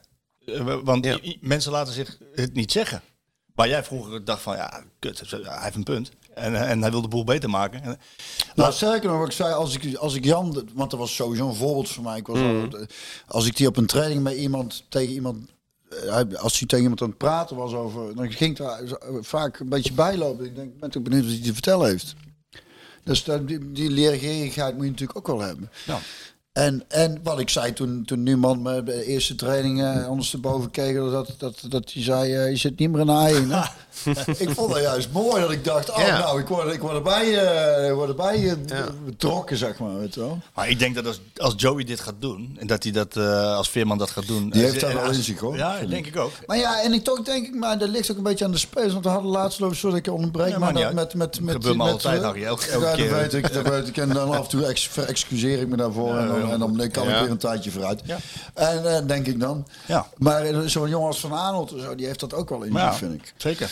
Heeft het ook. Dus als je er al een paar jongens hebt die dat wat meer, dan wordt, een, wordt, dus- wordt dat op een gegeven moment wordt er zoiets. eh, Ik Nou ja. in zo'n groep wel leven, denk ik. Dus dan, dan, dan het, het belangrijkste is dat die, dat die jongens wel een beetje de norm eh, gaan eh, zetten. Ja, ik denk, ik denk dat het ook wel te maken heeft met eh, de verschillende culturen die je tegenwoordig in een team hebt. Vroeger had je natuurlijk, eh, ja, dan komen we weer op vroeger, maar, eh, nee, maar ook, toen, ook toen jij, nou nee, niet alles, wel heel veel, maar eh, altijd, vroeger was niet alles beter, vroeger was alles anders. nou zeker anders. Kijk, in, bijvoorbeeld, Dat klopt, hè? je hoeft niet, je hoeft niet zo ver terug in de tijd te gaan, maar toen jij speelde, had je bij PSV drie, vier buitenlanders misschien in de selectie. De rest waren allemaal Nederlandse jongens, dus iedereen wist van de Nederlandse manier van, van coachen en dat dat af en toe best hard Heftig, tegen hard ja. kon gaan. En nu moet je met allerlei culturen rekening houden, want ja, die mag je niet te hard aanpakken in een groep en die moet je voorzichtig mee zijn. dat is zo, En- Harry. De Latijns-Amerikaanse spelers, die, eh, die moet je ja, even terwijl, anders... ja, eh, ja, terwijl volgens mij in, het- in het Argentijnse elftal gaat het er toch ook niet zachtzinnig aan toe, eh, kan ik me zo voorstellen, Nee. als je ziet hoe ze voetballen. Nee, maar dat was toch het verhaal van dat eh Hering dat heel goed door had. Ja. van Ja. dat die Zuid-Amerikaanse jongens, die pak je niet in de groep aan, maar dan, Ja. die pak je dan even apart of zo. Om daar, Uh, Hiddink zei tegen Romario, ik ga je straks eh, even hard aanpakken voor de groep, maar dat meen ik niet. Dus je moet net doen alsof je... eh, en dan pakte hij elkaar hard aan voor de groep. En iedereen, Ja, uh, Wouters en Kieft, die zaten zo te knikken. Zo deed Benakker dat bij Feyenoord maar Kieft en, eh, en Lerby en al die andere consorten, die zaten zo te knikken. En, eh, en, eh, en, en, en dan Romario, die lag zich de bal in de broek. Want, want Hiddink zei van, ja, ik pak je straks aan, maar er moet niks op uitdoen. Schiet maar een paar ballen erin, weet je wel. Dan, eh, En deed die vaak dan ook, hè? hij Ja, Mooi dat, was, ga Ja. nou ja, even maken. terug dan. ja, Eh, Romario? toch weer, ja. Ja, die, ja. die Steaua Boekarest. eh, Oh, Ja, Ben je Romario helemaal vergeten, zeg. Nee, nee, nee, nee, nee. Heeft het boek niet gehaald? Ja, nee. Het, eh, eindredactie heeft dat... eh, nee, de, de wedstrijd, uiteraard de wedstrijd tegen Steaua, die, eh, die komt ook eh, groots eh, ter sprake. Eh, daar heb ik Hans van Breukelen eh, over geïnterviewd met name. Ehm, ook over andere wedstrijden trouwens, die ook heel openhartig was over het polletje. En Polletje? dergelijke. Ja, Oh, ja. Moet, het, moet er toch ook in, want Ja. is voor PSV misschien niet leuk, maar het is natuurlijk wel een legendarische wedstrijd geworden daardoor. Zo. En ook in zijn carrière en dus uiteindelijk ook voor het Nederlands elftal zelfs een, eh, een keerpunt. hè. Zeg even voor onze luisteraars, want er zijn ook jongere luisteraars Ja. die niet meteen weten, polletje. Oké. eh, alles duiden hier, hè? Even kort. Ja, oké. Eh, 12 april 1987. Feyenoord PSV. Eh, Feyenoord heeft weer eens een teleurstellend jaar. Dus die staan derde, geloof ik. Maar op, ver, op ruime afstand van Ajax en PSV. Ehm, en die strijden met elkaar om het kampioenschap. PSV staat er wel iets beter voor, maar kan zich niet zo heel veel permitteren. Nou, eh, Feyenoord heeft zoals vaker thuis, thuis tegen PSV kunnen ze altijd wat extra's. Dus is de bovenliggende partij vergeet alleen te scoren. 10 minuten voor tijd doet uitgerekend Ruud Gullit dat wel. Dus PSV lijkt er met een hele geniepige 0-1 vandoor te gaan. Nou, Van Breukelen die, eh, die pakt eh, een paar goede ballen nog in de slotfase. En staat in de laatste minuut rustig met die bal zo in zijn stadsgebied te stuiteren. Dat zei hij ook tegen mij. Van, hij zegt, ja, ja, in die tijd kon je heel makkelijk tijd trekken als keeper zijnde. Gewoon net zo lang met die bal blijven stuiten. Die scheidsrechter fluit toch niet. Maar hij gooit die bal dus op, inderdaad, op een polletje. Die bal valt dood op de grond neer. En er was net een nieuwe regel dat jaar ingevoerd... dat de keeper hem dan niet meer mocht oppakken. Hij zegt, en het stomme is, als ik de beelden terugzie... er is geen Feyenoorder in de buurt. Ik had makkelijk die bal Wegschieten. weg kunnen schieten. Maar wat doet hij? Hij denkt, nou, het is Beb Thomas. Beb Thomas stond natuurlijk bekend als een scheidsrechter die heel veel toeliet. Hij raapt die bal op. Hij denkt, nou, die Thomas die heeft echt wel begrepen dat, eh, dat het eh, per ongeluk was. Maar nee, Thomas die floot en eh indirecte vrije schop. Ja, op zich nog niks aan de hand, want schrijf ik ook letterlijk in het boek 99 van de 100 keer gaat zo'n bal in de muur. En, maar dit was net die ene andere keer. En die bal gaat dus via via, via Ronald Koeman volgens mij, gaat hij over de muur. Eh, en ook over de PSV. Juri Koolhof was dat notabene. Weile Juri Koolhof, die op de, op de doellijn stond. En die bal waait dus zo het doel in. 1-1. Duur puntverlies voor PSV. Toen de tijd nog maar één punt, hè, want die kreeg maar twee voor een overwinning. Maar Ehm, en vervolgens was ook nog leuk dat eh, je had in die, die tijd kwam de commerciële televisie net op. Sky eh, was Sky Channel had je toen Ja, in Nederland. Sky Channel, ja. Ja, en die hadden dus een, een eredivisieprogramma met samenvattingen. En daarvoor moest dan eh, Jan Rietman, notabene een vervent Ajax-supporter... die moest dan in het Engels mensen op het veld gaan interviewen. Dus die kwam na afloop, terwijl die spelers dus allemaal woedend van het veld afliepen... inclusief Van Breukelen, naar Van Breukelen toe. En die zei van, ja, Hans, what happened? En eh, bij, allebei in hun steenkolen Engels. En, en Hans die fulmineerde, eh, die, die zei van... The only thing I know is that the referee comes from Amsterdam. en ehm, hij zei, hij moest daar zelf inmiddels ook om lachen. Hij zei, want ja, hij zegt, eh, letterlijk gezien klopte dat. Want Beb Thomas was inderdaad een Amsterdammer. Nou, die, die praat ook inderdaad zo plat Amsterdams als een dubbeltje. En, eh, maar ja, daarmee insinueerde hij natuurlijk dat hij eh, pro-Ajax zou zijn Ja. geweest. Terwijl het was, gewoon zijn eigen, het was gewoon zijn eigen fout. eigen Dat gaf hij zelf ook toe. En die wedstrijd, dat heeft nog wel een nasleep gehad. Want eh, hij zei, ja, daarna kreeg ik natuurlijk in de kleedkamer enorm op mijn flikker van de spelers. En logisch, zegt hij, dat had ik, zou ik zelf ook hebben gedaan. Alleen vervolgens zaten ze in de bus terug naar Eindhoven. En toen eh, waren er natuurlijk wat spelers voor langs de lijn voor de radio geweest. En toen werden er wat eerder opgenomen interviews werden uitgezonden. En de radio stond aan in de bus. En toen zei ineens twee spelers, Hans wist niet meer, zei hij althans, wist Ronald niet meer wie dat. volgens mij. Nou ja, jij mag het zeggen. Eh, ik ga dat niet beweren. Maar Hans wist niet meer precies wie het waren. Maar er waren twee spelers die zeiden: Ja, met zo'n keeper kan je ook geen kampioen worden. Nou, toen is hij eh, door dat gangpad heen eh, gevlogen. En toen hebben ze hem echt tegen moeten houden, zei hij. Want hij wilde die gasten echt eh, voor, de bek slaan, voor de bek Ik heb, ja. ik heb het ooit gelezen inderdaad. En, en dat, dat ze aan zo'n vierpersoonstafeltje zaten. En dat Koeman en Van Breuken tegenover elkaar zaten. En Gullit zat ernaast. En ik denk dan Van de Grijp. En dan zal Van de Grijp het misschien of een keer verteld hebben. Ja. En toen kwam daar voorbij dat, dat Koeman het kennelijk zei. En Van Breuken die vloog dus... Door die bussen. Nee, over die tafel heen Ja. naar Koeman toe. ja, die wilde echt. En dan eh, vlogen mensen tussen, maar die van ja. en Gullit, die zaten alleen maar naar elkaar te Ja. ja, dat kon je die twee wel, eh, wel toevertrouwen. Ja, ja, zo heb ik het ooit een keer Ja, gelezen. Of nou, dat, dat- zo'n verhaal wordt natuurlijk altijd mooier nog Tuurlijk, naarmate het tuurlijk. vaker verteld Ik wordt. heb het wel eens met Hans over gehad. Ja. Want in het, jaar dat, eh, het laatste jaar dat PSV kampioen werd... eh, deze prijzendroogte duurt nu al vijf jaar natuurlijk. Ja. Als op titel lagen. 2018 werd ze kampioen. Had ik een kampioenspecial gemaakt. En had ik een interview met Jeroen Zoet en Eh, Hans van Breukelen. Ja, dat weet ik nog, ja. Ja, en, en Zoet, die, eh, Hans vertelde ook over zijn polletje. En dat, Ja. en dat Zoet ook zo'n moment had. Ja, staat ook in het boek. Staat ook in het boek? Natuurlijk. Ja? Zuur voor zoet. Ja. Zuur voor Zoet. Ja. Je verzint het niet. Nou ja, het is prachtig. Ook, ook, Ik wel. Ook in de Kuip? Ook in de Kuip, Ook in de ja, Kuip. ja, ja. En, Doellijntechnologie. eh, doellijntechnologie. Weet je niet meer? Ja. Zoet, die, die, die denkt de bal tegen Ja, die heeft die bal gewoon op de lijn. Op de lemzaal. En die, Maar hij zit zelf daarachter. en die trekt Dus hij trekt die bal naar zich toe. over de lijn. En toen zei dat horloge van Nijhuis van... eh Hey, doelpunt. Is een dure. Dat zijn lullige. Maar ja, dat is een memorabel moment natuurlijk. Nou, dat heeft, dat heeft indirect... titel dat is gekost. natuurlijk niet het enige, maar dat heeft indirect... Nou, Feyenoord stond al bovenaan Ja. toen. Maar dat heeft Feyenoord wel eh, een extra zet in de, in de 2017 richting van die kampioenschap. we eh, ja. Dat was in februari, dus er was best nog veel eh, voor te spelen. Maar dat, dat was wel een cruciale manier om de wedstrijd te winnen op die manier, ja. Ja. Ja, dus dat was weer een ander verhaal. Maar, maar dat van Van Breukelen, om daar nog even op terug te komen. eh, dat, dat staat ook in het boek. Oh, sorry. Dat staat ook in het boek. ehm, vertelt hij ook heel openhartig over. Hij zat toen al in een hele slechte periode. Is deze voor mij? Ja, die is vier. Omdat hij al, hij had al anderhalf jaar het gevoel eh, dat hij heel erg achtervolgd werd. Omdat er een lobby vanuit Amsterdam eh, was om Stanley Menzo in het Nederlands elftal te krijgen. Ja. Hij zei, en dan ging ik allerlei rare dingen doen die ik helemaal niet beheerste. Ging hij ook ineens heel ver uit zijn doel lopen en zo. En ja, dan werd hij weer gepasseerd met een lop eh, tegen Griekenland bijvoorbeeld, Interland. Nou, alle, dat zat allemaal heel kort op elkaar. En hij zegt, dit moment was eigenlijk een soort climax, of anti, beter gezegd anticlimax daarin. En eh, hij heeft toen echt heel erg diep gezeten mentaal. klopt, ja. Dat hij zelfs op een gegeven moment eh, ja, uit het leven wilde stappen.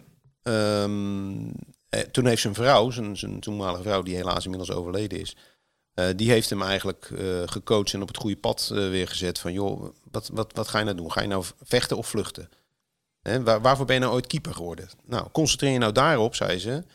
Want eh, wat die journalisten schrijven, daar heb je toch geen invloed op. Nee. Dat kan je toch niet veranderen. Nee. Nou, dat heeft hij vervolgens. kutjournalisten. Ja, en dat Toen heeft al, hij. hè? Toen al. Ja, toen toen al. Kut. Ja. Kutvolk Ja. was.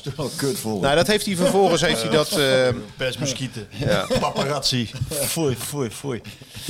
Ga door. ja, nou, dan zitten we mooi. Helemaal We zitten onszelf, onszelf even af te branden hier. Nee, dat heeft hij wij vervolgens. niet. Nee, oké, wij niet. Nee, wij wij, zijn anders. wij zijn de, Wij zijn- wij zijn de wij uitzondering. Wij zijn de witte raven. Hij zijn goed ook. Ja, goed heel tof. goed. Eh, Ga door. Dit knip je er wel uit, toch? Nee, natuurlijk niet. Nee, maar Van Breukelen heeft dat vervolgens dus eh, opgepakt. Heeft hij, eh, heeft hij een heel andere mindset gekregen, zei hij ook. Eh, en dat heeft uiteindelijk geresulteerd natuurlijk in dat superjaar daarna... waarin hij met PSV eh, de Europa Cup won... en met Nederlands elftal Europees kampioen. Ja. En daar zit, daar zit ook nog een prachtig eh, verhaal aan vast. Hij speelde die wedstrijden waar ik het net over had met dat polletje... en, en die wedstrijd tegen Griekenland, dat hij de doelpunt tegenkreeg... speelde hij in het geel. In een gele keeperstrui. En dat deed hij omdat hij... eh, altijd fan was geweest van Jan van Beveren. En die droeg ook bijna altijd een gele keeperstrui. Dus hij deed dat ook. Alleen toen kreeg hij eh, via via te horen dat geel de kleur van de haat was. En toen heeft hij vanaf dat moment heeft hij besloten nooit meer in het geel te keepen. Oh, wat grappig. joh. En toen, en toen kwam dus inderdaad dat jaar eroverheen met het Nederlands elftal en met blauw. PSV. Blauw en grijs. Ja. Want dat grijs, daar zit ook weer een mooie... ja, ik, ik, ik vind dat een schitterend verhaal. Omdat ik zelf ook een altijd keeper geweest al een ben. keeper en scheidsrechter ook, hè? Ja, ja, ja, dus ik krijg ook altijd alle shit over me heen. Ja. En terecht. Ja, KNVB, KNVB scheidsrechter ook nog inderdaad, ja. Vierde klas? Eh, tweede, derde klas. Tweede, derde klas. Eh, reserve hoofdklasse. Ook nog eens een keer in Reserve Rotterdam. hoofdklasse. Eh, Rotterdam en omstreken. En omstreken. Ja, maar goed, dat is, even, dat is weer een ander verhaal. Nee, maakt er ehm, geen Harry Hamer show van, toch? nee, joh, op het veld. Beetje zoals Bas Nuis altijd doet. absoluut niet. Nee, ben je een Nee, beetje van nee, de nee. doorvoetballen, Harry? Eh, Nou ja, afgelopen zaterdag heb ik een wedstrijd zonder kaarten inderdaad ah, afgemaakt. ja. had je ze niet mee? Jawel, maar er, er, gebeurde, er gebeurde gewoon... eh, ik, ja, ik had het gewoon in de hand. Vertel. Nee, Nou, goed. Grijs, Grijs Even en iets anders. Dat, dat, dat grijs. Ehm, van Breukelen speelde, als je de beelden terugkijkt, hij, hij keepte alle groepswedstrijden van het Nederlands elftal op dat EK eh, 88 in blauw. Ja. Toen kwam de halve finale tegen Duitsland. Nou, je zou zeggen, doe dan gewoon weer dat blauw aan. Steekt mooi af. Want bijgeloof. Ja, maar, want nee, hij had ander bijgeloof. De wedstrijd werd gespeeld in Hamburg. En hij had in 1981 eh, de wedstrijd van zijn leven zo'n beetje gekiept. Met FC Utrecht daar tegen het grote HSV van Ernst Happel. Met, met eh, mannen als eh, Kaltz en uh, en dergelijke. Utrecht won daar met 0-1.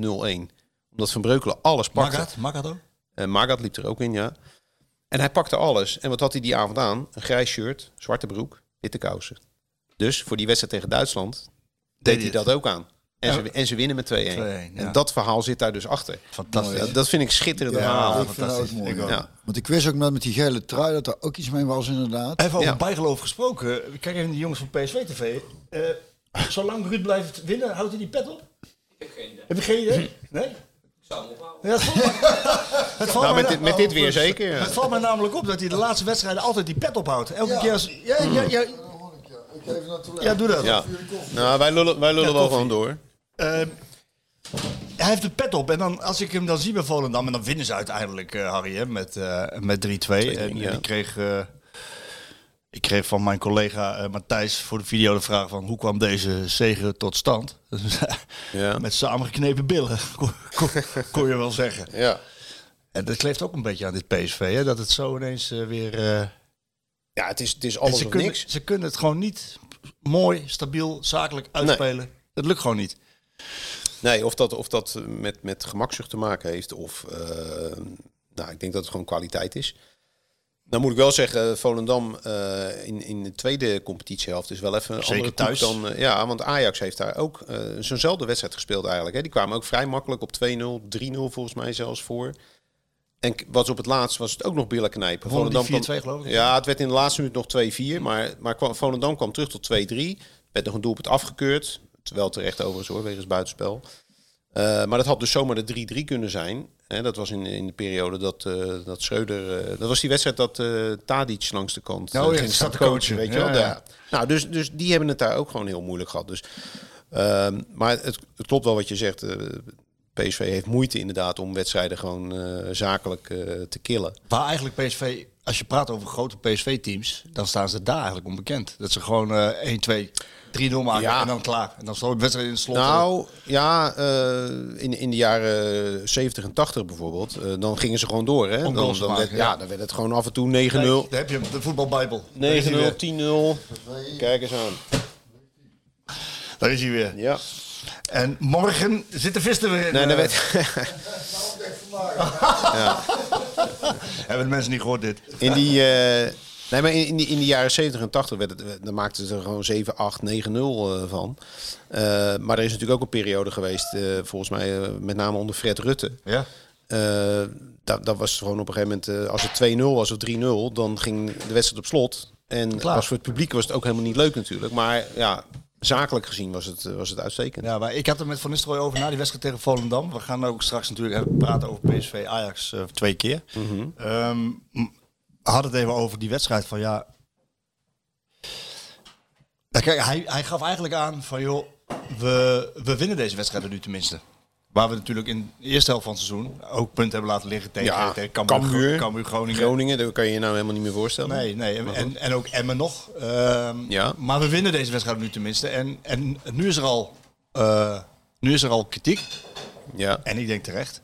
Want ik vind dat PSV verder moet zijn in deze fase van het seizoen. Voetballend. Nu is er al kritiek, zei hij. Moet je nagaan, als we deze wedstrijd verliezen, dan is het de hel. ja, Daar had hij natuurlijk wel een punt. Alleen neem niet weg dat de kritiek wel terecht is. En, en hij vindt soms van niet, maar het is gewoon niet goed genoeg. Als Nee. je, en, en tegelijkertijd zeg ik erbij, in deze fase van het seizoen... maakt het ook eigenlijk geen reet meer uit. Ja, dat vind ik altijd een leuke uitspraak. Ja, Dat- maar nu dat- maakt het niet meer uit, je moet gewoon winnen. Maar het maakt sowieso niet uit. Je moet er altijd winnen. Ja, nee, maar als, Ja. je, als, je, een heel, als je een heel seizoen eh, zo speelt zoals PSV nu, speelt... ah, Ja. dan haken er heel veel mensen af, hoor. Ja, eh, tenzij je blijft winnen inderdaad. Eh, ik, ik ben het met die, met die kritiek ben ik het wel eens. in zoverre dat zelfs met de spelers die PSV nu heeft, zouden ze tegenstanders, en, en er komt dan een mooi cliché, met alle respect, eh, als. Volendam, hè, zouden ze, Excelsior. zeker als, je eenmaal, zeker als je eenmaal op 0-2 staat, Ja, dankjewel. eh. dankjewel. Alsjeblieft. Dan zou je die wedstrijd gewoon inderdaad heel makkelijk moeten, moeten uitspelen. En eh, dat, dat doen ze dan dus niet. Nee. Eh, ja, het blijft natuurlijk, is er natuurlijk al heel veel over gezegd, maar het, het blijft natuurlijk ook eh, voor Van Nistelrooy rampzalig dat je eh, halverwege het seizoen je, je twee beste aanvallers Ja, dat is zo. eh, kwijtraakt. Dat is zo. Dan moet je eigenlijk gewoon helemaal opnieuw beginnen. Ja. Hè, het, mag, niet- het mag niet van één of twee spelers afhangen, maar als je Ja, ook nog een paar blessures... Hij staat nu Ja. nog, als je, als je goals en assists opstelt, dan staat hij nog eh, in de top eh, van de Eredivisie. Ja. Zo Ja. lang, ja, hij is al heel lang weg. Echte topscorers in de Eredivisie hebben we niet meer. Ja, Want niet. de, de- de nummer 1 staat met 14 goals, geloof ik. Op dit Even over Van Nistelrooy gesproken. Die tijden zijn wel echt voorbij, ja, inderdaad, wat jij nou zegt. Dan zat ik dus laatst ook aan te denken. Je had toch vroeger nog gewoon spitsen die er dan Nou ja. 24 minimaal inschoten. Ja. Volgens mij was de laatste, Vroeger. de De laatste, twee record is 18. Ja, maar de laatste twee die nog echt goed gescoord hebben waren, die eindigden volgens mij ex-equo op 1, Tadic en eh, Luc de Jong. Voordat Luc wegging. Ja, 28. 28 goals, hè? Ja. Ja. Ja. Nou, dat is een beetje normaal. Ja, als, ze- als, als het zo blijft, als de, de, de huidige nummer 1 is Doefikas, hè? 14? 14. Als die niet meer scoort, dan, dan heeft hij een laagste record. En is het zelfs nog onder het aantal dat in het coronaseizoen toen de competitie werd afgebroken. Toen eh, oh jee. Berghuis samen met, nou ben ik even kwijt, maar die stond met, met 15 goals eh, bovenaan. Dat zal wel heel erg slecht zijn, zeg. Jezus, Ja, dat ja. zegt wel veel. Eh, Maar ga verder, Van Nistelrooy. ja, nou ja, ik, ik, we hebben denk ik genoeg over Volendam gezegd. Het was gewoon niet goed. En de- de ondergrond zal mee... Kijk, voor PSV is het Ik heb daar gewoon ooit het- toch een stukje, heb ik daar ooit voorgelezen? Weet ik niet. Oh, Volendam? Ja. Denk er maar iets, staat iets voorbij. Ja, ja. Dat heeft indruk gemaakt, merk ik. Ja, staat me iets voorbij. Sjoerd, Ja, hij weet dat, dat, voorlezen dat ze toen, dat, ze, dat heb ik ooit zo Ja. voorgelezen, dat ze met 0-2 daar eh, Ja, wonnen. maar luister eens, jij hebt zo ontzettend veel proza voorgelezen hier in, dit, eh, in deze onverprezen Het show. te houden, hè? Ik kan het niet allemaal niet opslaan. Maar dat snap Nee. ik. Dus, eh, ik moet jouw eh, proza nog, dat zou jij mij nog doormailen, hè? Jouw, jouw eh, liefdevolle gedicht. Met, Heb ik jij niet doorgestuurd? Nee. Dat is heel gek. Nee, dat maakt niet uit. Ja, dat, dat, dat, dat soort dingen. ik zet mezelf vaak op je de- wordt, je, wordt, je wordt zo vaak Die heb ik nog wel. hoor. Heb jij die? Die, die heb ik volgens mij. Oh, heb jij die? Heb ik hem naar jou gestuurd? Ja. Ik heb hem gestuurd naar iemand. Ik zal hem nu even naar Björn eh, sturen. Maar jullie lijken op elkaar. Ehm, ik, die Volendam-wedstrijd hebben we, wel, hebben we wel behandeld. We gaan richting PSV Ajax. En ik, ik, ik loop hier naartoe. En eh, wie, kom ik, wie loop ik tegen het lijf? De, de nieuwe presentator van Zomergasten. Theo. Theo, Ja, ja, Theo Maas loop ik tegen het lijf. En had had een mooie dat koptelefoon een behoorlijk lijf. Ja, groot lijf. Ja. Koptelefoon op. En ik was al tegen hem aan het praten. En eh nou, niks kwam door natuurlijk. Ja. En toen zag hij hey, een beetje even gekletst. Ik zeg, nog vijf wedstrijden Theo. Dan zit de leidersweg erop. nou, en hij... eh, nou ja, dat wilde ik hier even neergooien. Eh, hij, hij vertegenwoordigt toch wel een breed eh, gedragen mening, heb ik het idee, over de positie van Van Nistelrooy.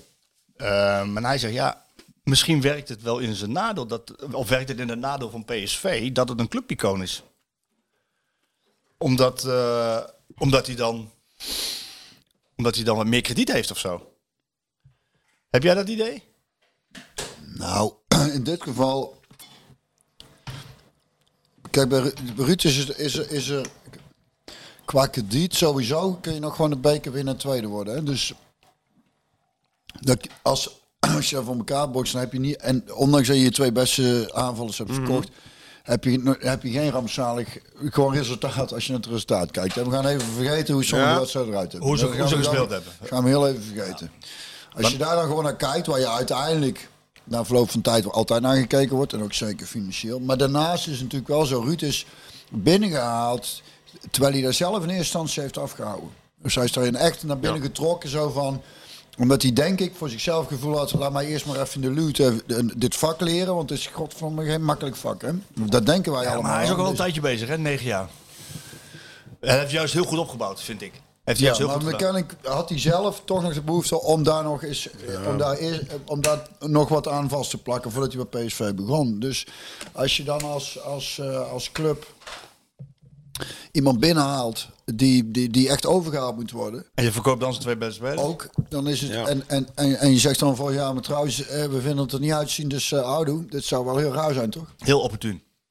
Ook omdat... Sowieso heeft, heeft, al, heeft het altijd tijd nodig. Ja, maar wat ik, wat, het, het, het is heel opportun. Ook omdat Brands gezegd heeft van we zijn met een project bezig. En eh, eh, daar, daar hebben we voor de langere termijn hebben we voor Ruud gekozen. Niet alleen maar voor de korte termijn. Dus hij, hij verdient ook na de verkoop van Gakpo maar de weken verdient hij wel wat steun. Dus alleen al om die woorden denk ik niet dat, dat hij de laan wordt uitgestuurd. Of dat hij... eh, maar ehm, de, de mening van, van Theo is wel, wat ik wel vaker hoor. Ja, maar Wat wat je een beetje proeft Ja, dat, en dat heeft, en dat, ja, en dat heeft natuurlijk ook te maken met hoe ze voetballen. Want je, Met name je, mag, ja. je mag, ook zonder deze twee spelers die jij noemt, verwachten dat er veel meer ontwikkeling in het spel zit van PSV. Het contrast is elke keer zo groot. Ja. Nou ja, dat is Dat zo. is wat me zo verbaast. En zelfs in wedstrijden. Ja. Nou ja, juist ook. Dat, dat, dat, en er was natuurlijk onder Smit was het ook wel al aan de hand. Dat, dat het, maar daar was nog vaak, werd er teruggevoerd op de speelwijze. Dat er zoveel energie kost. Dat ze fantastisch eerste helft speelden en dan ja, vervolgens... de tank leeg na een uur. Ja, dan, dan, dan- misschien kun je dan volgende keer afspreken met tegenstander. Zullen we vandaag Ja. een, half uurtje, half uurtje? Zuivere, zuivere speeltijd. Zullen we het gewoon iets korter doen vandaag? Want ik heb nog een verjaardag en alles. En ik moet nog de was doen. En ik weet het niet. Ik kan Ja. kijken om ze erin te luizen. Ik denk niet dat ze het doen. Nee, ik denk dat niet. Maar, ehm, maar nu, is het, nu, nu is dat natuurlijk eh, wat anders. Eh, omdat, omdat ze wat, eh, wat minder hoog druk zetten en, en, de, en de energie wat beter verdeeld wordt. Maar, dus wat er dan precies is. En, Ja, ik, heb dat- ik heb dat gisteren aan Veerman gevraagd. Deze, precies dus deze zeg vraag. maar alsjeblieft dat hij de oplossing heeft. Want dat zou fijn zijn. Ik, en, eh, Maar hij weet het ook niet, hè? Nou ja, hij zegt, ik, ik, krijg, ik, ik krijg daar de vinger ook niet achter. Want we, hebben gewoon, we hebben best veel kwaliteit in de ploeg. En, eh, en dat het dan eh, eh, soms ja, niet gaat, dat het niet loopt, dat het niet draait. Ook, eh, hij was gewoon heel realistisch en eerlijk ook over die Volendam-wedstrijd. Dat, dat je zo de goals weer tegenkrijgt. En eigenlijk een wedstrijd die gewonnen is, 2-0, 3-1, Maar ik denk dat je die zakelijk niet uit kan spelen. Dat, ja, dat, hij, hij heeft er ook geen verklaring voor. En dat is, wat, wat, wat, wat ik heel vreemd vind is dat meestal zie je dat bij een ploeg die ontwikkelt zich tijdens het seizoen. Dus Ja. die, hè, die moet, dat moet is beter worden. de trainer. Ja, bij, bij PSV is het eigenlijk net andersom gegaan. Want ze begonnen natuurlijk met een geweldige wedstrijd toen om de Johan Cruijffschaal tegen Ajax. die 3-5. Ja. Nou, dan hebben ze onder andere tegen Feyenoord hebben ze een geweldige thuiswedstrijd gespeeld. Dat was allemaal nog met de Gakpo. Ze hebben Volendam thuis met 7-1 van het veld geblazen. Wat ook Dat makkelijk dubbele, dat, dubbele eh, cijfers Dat was nog in de tijd dat Wim Jong dacht van eh even ja, lekker we, mee te gaan we, voetballen. we gaan lekker aanvallen. Een beetje à la eh, DS99 ooit in de Eredivisie. Die, Dat die, is ook lang geleden. ja, maar ja, die, die ging, Simon Kistenmaker was dat. Die ging ook lekker gewoon in, in de Meer en in het Philipsstadion en in de Kuip allemaal aanvallen. Ja, daar werd hij met 8-0 van het veld geblazen. En dat, dat vond hij dan vreemd. Eh, dus, eh, maar, maar, maar je ziet dus dat bij PSV is het juist een beetje naar beneden gegaan. En dat heeft natuurlijk deels te maken met, eh, met, eh, met, met Gakpo en eh Madueke die weg zijn.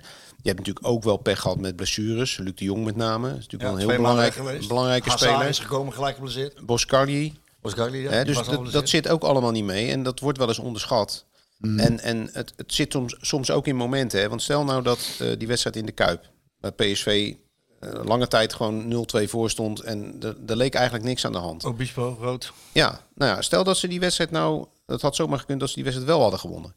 Dan draait natuurlijk het momentum ook. Hè? Dan denk je van, eh, voor het eerst sinds jaren weer eens gewonnen in de Kuip. En dan, dan krijgt zo'n ploeg krijgt ook een boost. Nee, dat is dus niet zo bij dit Nee? PSV. NEC uit, 4-0 Ik zit hier weggeblazen. allemaal Ja. te knikken. 4-0 weggeblazen. eh, eh, We staan 4-0 of eh, wat uiteindelijk 4... eh, ja, maar wie ben jij dan? Heb jij in, het eerste gespeeld of zo? Nee, maar Marco Timmer wel. Nee, maar luister, die- blazen NEC helemaal weg. En dan Ja. wordt het 4-2. Hè. Dus Ja. spelen goede, fantastische eerste helft. Ja. Daar denk je, nou, daar kunnen we lekker op voort. Mhm. Hey. En dan speel je zo tegen Excelsior, hè? Ja. 78 minuten lang een nieuw maand gluren. Mhm. Bal gaat van links naar rechts, van rechts naar links. Ja. Nou ja, eh, gras zien eh, groeien is volgens mij spectaculair. ja. En dan uiteindelijk maken ze het goed met 10 minuten waarin ze nog ja, scoren. dat was een geflatteerde Maar ik te uitslag, zeggen, het, het is dus niet zo dat ze voort kunnen bouwen op, op iets. En wat je nu wel ziet is, Mhm. dat haalt Van Nistelrooy ook steeds aan, is een reeks waar van 10 wedstrijden 9 gewonnen. Mhm. Eentje gelijk. Dus de, de, de, de kutwedstrijden, de klote wedstrijden, die, Ja. die winnen ze gelukkig nu Ja. wel. Ja. Die winnen ze wel. Ik stap daar dan heel makkelijk overheen, merk ik. Wie? Jij? Ja, fijn hè? Ja, wie niet? Ja, je wilde, dat is je hou vast, is dat.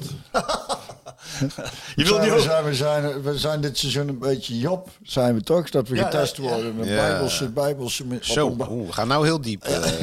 Ik zei, Die had het wel iets zwaarder voor zijn kiezen gekregen dan dat Ja. zijn ploeg niet echt liep. eh, De beproevingen? de beproevingen. Maar ehm, Nou, eh, eh, zo, zowel, eh, zowel Van Nistelrooy als Heitinga, die hebben natuurlijk wel een... die zijn niet te benijden. En eh, die, nou ja, sowieso, als je coach bent van Ajax. Maakt niet uit hoe de vlag erbij hangt, maar Ja. in, mijn, in, mijn, in mijn boek ben je... ben je dan niet te benijden? Oké, oké. Eh, nee, kijk, weet je wat namelijk het geval is? Deze twee wedstrijden die ze gaan spelen, hè, eerst voor de tweede plek eigenlijk, en daarna die bekerfinale, die kunnen al toekomstbepalend zijn. Stel nou, eh, kijk, ik heb net gezegd, Brands, eh, die heeft volledige rugdekking aan Ruud van Nistelrooy. Nou, de nieuwe, de nieuwe technische directeur van, eh, van, van Ajax, Mislintat, de Duitser, die, die heeft ook gezegd, hij gaat staan op pole position, dus voor, om ook volgend jaar trainer te worden. Dus stel nou dat, dat deze twee wedstrijden, dat je die, dat je die goed doorkomt, ehm, maar wat doe je dan wat, doet, wat doen ze? Kijk, PSV komt er goed door. Maar wat doen ze dan bij Ajax? Zeggen ze dan, eh, ja, geen, geen tweede plek, geen beker? We doeken de club op. Nee, maar houden we Heitinga dan wel of niet? Dat kan dus maar zo zijn dat je Heitinga... Stel nou Ruud van Dat Nistelrooy, is voor een andere podcast, toch? Ruud van Nistelrooy verliest met PSV. Tweede plek. En wordt derde. Ja. Wat, wat doet Stuart dan? Want wat er gebeurt is, als je volgend seizoen dan begint... Stel je overleeft en je begint volgend seizoen... Mhm. Doorgeselecteerde selectie, nieuwe staf. Weet je wat ik mis, Marco? Ik ben er bijna klaar. Oh, nou, ga door. Ja. Ga door. In de politiek zeggen ze, ik maak hem even af. Maak hem even af. Ja. Wat gebeurt er dan volgend seizoen? om vervolgens geen Ja. actieve Dan heb je twee directe Champions League plekken. Ja, klopt. Als dan, als dan niet direct goed gevoetbald wordt en niet goed gepresteerd, dan vliegen beide trainers alsnog uit. Omdat ze niet nog een keer zo'n seizoen kunnen veroorloven. Want je moet bij die eerste twee eindigen. Ja. Dus dan komt alles wat in dit seizoen gebeurd is als een boemerang terug. Hmm. Ruud van Nistelrooy en John Heitinga zijn niet te benijden. Nee. En wij als supporters ook niet echt. Kijk, weet je wat, wat als ik het al- weet je- about me? Nee, maar, nou, nee, naar de luisteraars. Nee, maar het is ja ook, ook aan de make is about me. Ja, eigenlijk wel. Want wat ik dus nou merk, het is volgens mij het derde seizoen dat we dit doen, hè, deze Ja. podcast. En we gaan door totdat ze kampioen worden. Ja. En tot die, Over tot, 14 jaar tot die tijd... Eh, ik had natuurlijk toen ik aan de podcast begon al jaren nauwelijks voetbal gekeken. Of echt, echt bijna niks. Ik, heb, het- ik heb het een beetje in de krant in de gaten gehouden. En, en, en mijn oudste zoon speelde toen nog bij RPC in een teampje. Wat, wat, waar, wat, dat is gewoon, eh, die, die konden er allemaal heel weinig van. En dat was geweldig. Daar heb ik vaker over verteld. En het enige wat ik daarmee bezig was, met, als ik de teamcoach was, alles positief bekijken en jammer en goed En dan kijken dat je al die kids lekker, lekker aan het voetballen krijgt. In zin dat iedereen durft. En, en alles is simpel, want als je met de ene week verlies je maar 8-0 en de andere week win je maar 6-2. En, Ja. en dan daarna ga je gewoon weer je weekend in. Zo was mijn voetbalbelevenis. En ik merk nou na drie seizoenen PSV dat ik, dat ik als ik niet oppas net zo'n eh, oude cynische lul begin te worden. Als jij Marco. Ja. En dat wil ik niet. Ik kom mezelf af te klagen dat ik denk, waarom eigenlijk man? Voetbal- Move on. ja. Ja, maar dat is wat er gebeurt als je te veel voetbal kijkt, merk ik nou. Ik moet echt, ik ben weekend, nemen. ik heb mijn weekend geen voetbal gekeken. Ik ben gewoon hartstikke blij dat bij Volendam Dan uitgekomen. kom ik hier de sfeer even En verpesten. dan kom je met allemaal moeilijke vragen. Wat nou als dit? Allemaal doemscenario's. Het leven is al één tranendal waar we ons doorheen hebben te slepen. Maar het kan, ook, het, kan ook, het kan ook andersom, hè? Het kan ook dat het fantastisch is. Dat ik, wij iedere wedstrijd, hier, iedere week hier zitten en zeggen... Wauw, wat hebben we weer genoten. Wat fantastisch. Alleen dat gebeurt niet. Ik, daarvoor is het gewoon Dat wil ik zo graag. om- Dat wil ik zo graag. Dat maakt mijn werk ook, ook. dat maakt mijn werk ook makkelijker. Dan had ik nog bepaalde relaties gehad in het voetbal die ik nou niet meer heb. Had ik niet zo hard, je had ik niet zo hard hoeven schrijven, bijvoorbeeld. Had ik, had maar dat hoeft helemaal niet. Dat blijft, dat blijft helemaal zo. Dat heb je ooit door, door, door, door de, de eindredacteur wijs laten maken. Dat en door Harry wijs laten Maar je moet hard zijn. Je moet, veel zijn. Hoeft veel helemaal scherper. niet. Hoeft Nee, helemaal joh, niet eerlijk zijn. Denk je dat ik hier altijd eerlijk ben? Ben gek? Tuurlijk niet, man. Dat is helemaal niet leuk. Altijd eerlijk zijn. Dat is ook zo'n argument. ik kan en zo zeker moeilijk- in het verhaal. ik kan zo moeilijk liegen. Jongen, lul toch niet. Ik kan echt zo moeilijk liegen. Je hebt, je hebt, je hebt, kijk, dus ook terugkomend op, weet je nog een keer dat we hadden over of alles geoorloofd is om te winnen. Oh god, hier, als we deze kant op gaan, heb ik een hele leuke. Ga door. Ja, hou hem vast dan. Maar het is hetzelfde. Met, kijk, ik vind eh, niet alles is geoorloofd. Ik vind Swalbes. eh, eh, daar, Vind je niet geoorloofd? Nee, dat vind ik Nee, verschrikkelijk. vind ik vind ik vind verschrikkelijk. Als je daar- En ik vind een vreselijk. overtreding maken, vind ik dan wel. We zeggen, ja, maar het is alle twee vals spelen. Ja, dat klopt. Maar het is hetzelfde Maar liegen. als Het is trainer- hetzelfde als, hetzelfde als liegen. Je hebt leugens om best wil. Maar ja, ik kan toch om iemand niet te kwetsen. En je hebt leugens om, om iemand wel... Nou, dat is het verschil. Ik wil jou niet kwetsen. Maar Nee, ik kan moeilijk, weet ik, het. kan Het moeilijk, zeggen, niet ik over kan mij. moeilijk zeggen dat de wedstrijd goed was. Nee, maar je kunt er kijken van, weet ik veel, dat je er een of andere positieve draai in geeft. Zo, dat is toch allemaal... Nou ja, de positief, ook geregeld, hè? positieve draai, die gaf jij er net zelf aan. Want je- ze kunnen inderdaad gewoon eh, zondag, je speelt thuis, PSV. Eh, Ajax is ook niet in groot te doen, want die heb ik tegen Emmen gezien. Nou, eh, die, verdediging, die verdediging met name, dat is echt niet geweldig Dat hoor. was ook slecht, hè? Ja, Oh, nou, dus, dus, dus PSV heeft alle... Nee, maar als ik het dan... zitten kijken. Dat sloeg echt helemaal nergens op. Dat was slecht. Ja, Dat was, dat was, net, dat was nog slechter, denk ik. Dan, Emma had gewoon, dan Emma had gewoon, PSV. Emma had gewoon na 20 minuten 2-0 voor kunnen staan Ja? hoor. Ja, ja ik, ik snap het, Ja. man. Ik snap het. Nee, maar- maar, maar dus- dus- Ik ik- moeten zeggen dat het, dat het goed, Nee, nee, dat goed was. niet. Maar dit is, dit is toch wel een beetje wat mannen van onze leeftijd Maar zo snel- Klagen over het Nou, nee. Zo snel kan Je het... kunt eh, kijken wat je ziet en als het goed is, is het goed. Heb je dan het niet de neiging om dan eens een keer wat minder voetbal te kijken? Dat je zegt, Feyenoord eh, tegen Roma. De baas Hey. belt en zegt, eh, huur, er maar, huur maar even een ander. Feyenoord tegen Roma was waanzinnig. Ja, ik, Fantastisch om naar te kijken. Ik heb- Kuksu, hoog hoed af. Respect. Ik heb in de gespeeld. laatste kwartiertje toen even zitten kijken. Ja, maar- ze even moeilijk. Maar ik heb, wat maar ik ik van Feyenoord gezien heb tot nu toe, ben ik mee eens. Dat is altijd aantrekkelijk om naar te kijken. Nee, dus als het iets heel Ook al goed, gaat het dus als iets heel goed is, zal ik zeggen dat iets heel goed is. En als iets En niet als zo goed is, dan moet je, moet je zeggen van... eh, Het was niet zo eh, slecht. Zeggen, het was niet zo slecht. nee, je kan altijd slechter. Kan alles... het, kan, al- Ja. het kan altijd slechter. Dus ja, Ja. ik weet Nou, heel dingen hoe, hoe je er tegenaan Doe me denken aan, eh, aan de propaganda eh, tussen, tussen Amerika en, eh, en Rusland eh, in, de, in de jaren 50. eh, Koude oorlog begon een beetje en eh daar deden, beetje, deden daar de zaten ze behoorlijk in hoor. presidenten deden een beetje, die deden mee aan een wedstrijd. En eh, de, de, De president... de president, nee, maar dat werd dan in die propagandaboekjes werd dat naar voren gehaald. De president doet dan mee aan de wedstrijd. en Hoe dat dan in Amerika opgeschreven zou worden en hoe dat in Rusland opgeschreven zou worden. Ja. Hè? En als dan, eh, eh, omdat er maar twee meededen, zou, als dan de Amerikaanse president tweede zou worden, zeiden Ja. ja. ja, we waren, we waren, we waren tweede. We waren tweede en die andere was ene laatste. Ja, de andere was één laatste. Ja. Zo werd dat opgeschreven, snap je het maar net. En in Rusland was het van, eh, wij zijn eerste, zij zijn laatste. Ja. Dus het is maar net hoe je het, eh, hoe je het tegenaan moet kijken. zijn Maar, dingen. maar, maar als journalist is het goed is goed en slecht is slecht. En ook niet slecht te maken om, om te zeiken. En ook niet beter maken om eh, in de euforie te eindigen. Nee, maar ik denk dat dat, ik denk dat, dat inderdaad, eh, dat zal intern zal dat heus wel gebeuren tegenwoordig bij de clubs. Eh, we hebben het niet alleen over PSV, maar gewoon in het algemeen eh, is het in het voetbal natuurlijk tegenwoordig zo dat als het, als het slecht is of, of er is eh, stront aan de knikker in een club, dan mag dat vooral niet naar buiten komen, want het publiek mocht dus denken dat, weet je. Maar die mensen zijn natuurlijk niet gek, hè? Nee, die zien ook wel. Die zien heus wel, die, die, die kijken ook eh, voetbal. En eh, hè, oké, we hebben dan eh, met z'n allen niet op het hoogste niveau gespeeld. Jij wel. Maar eh, Poging. dat wil nog niet zeggen dat, dat we er geen. Nee, maar dat wil niet zeggen dat we er geen mening over eh, mogen hebben, weet je.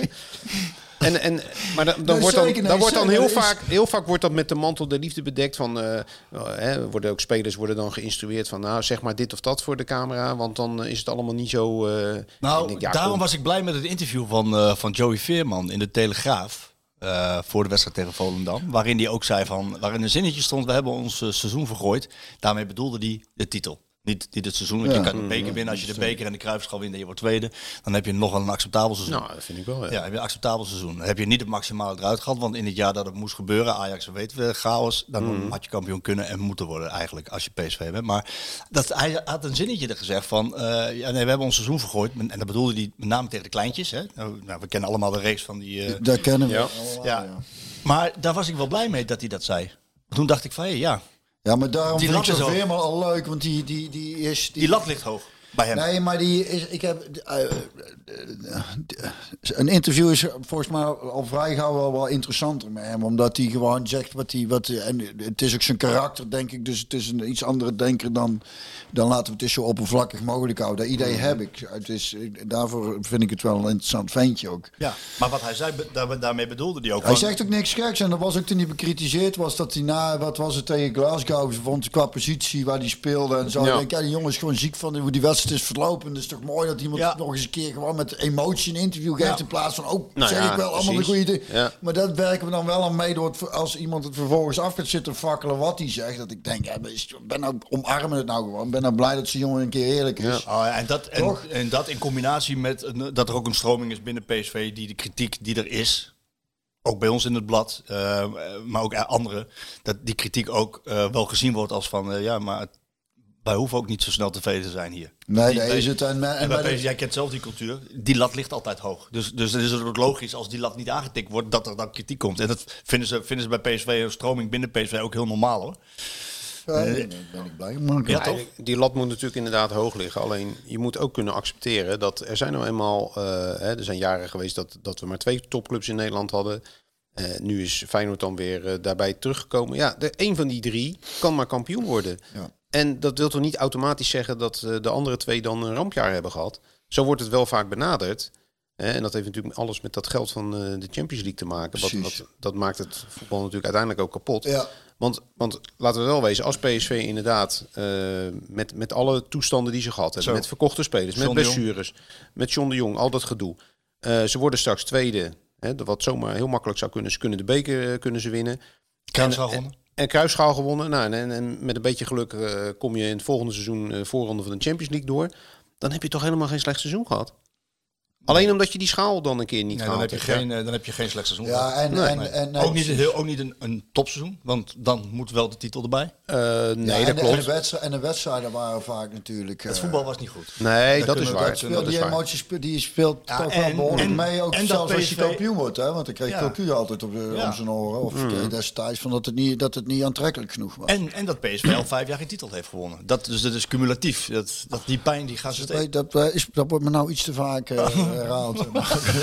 Het- Even over. Baum- even over Baumkartel. Weet je wat die gekost heeft? Ja, ja, ja, man, dat is- Ehm, je maakte net een mooi bruggetje naar, eh, naar PSV Ajax. Want je zei over die Champions League tweede worden. Het, het is wel de, wedst- de wedstrijd van 40 miljoen.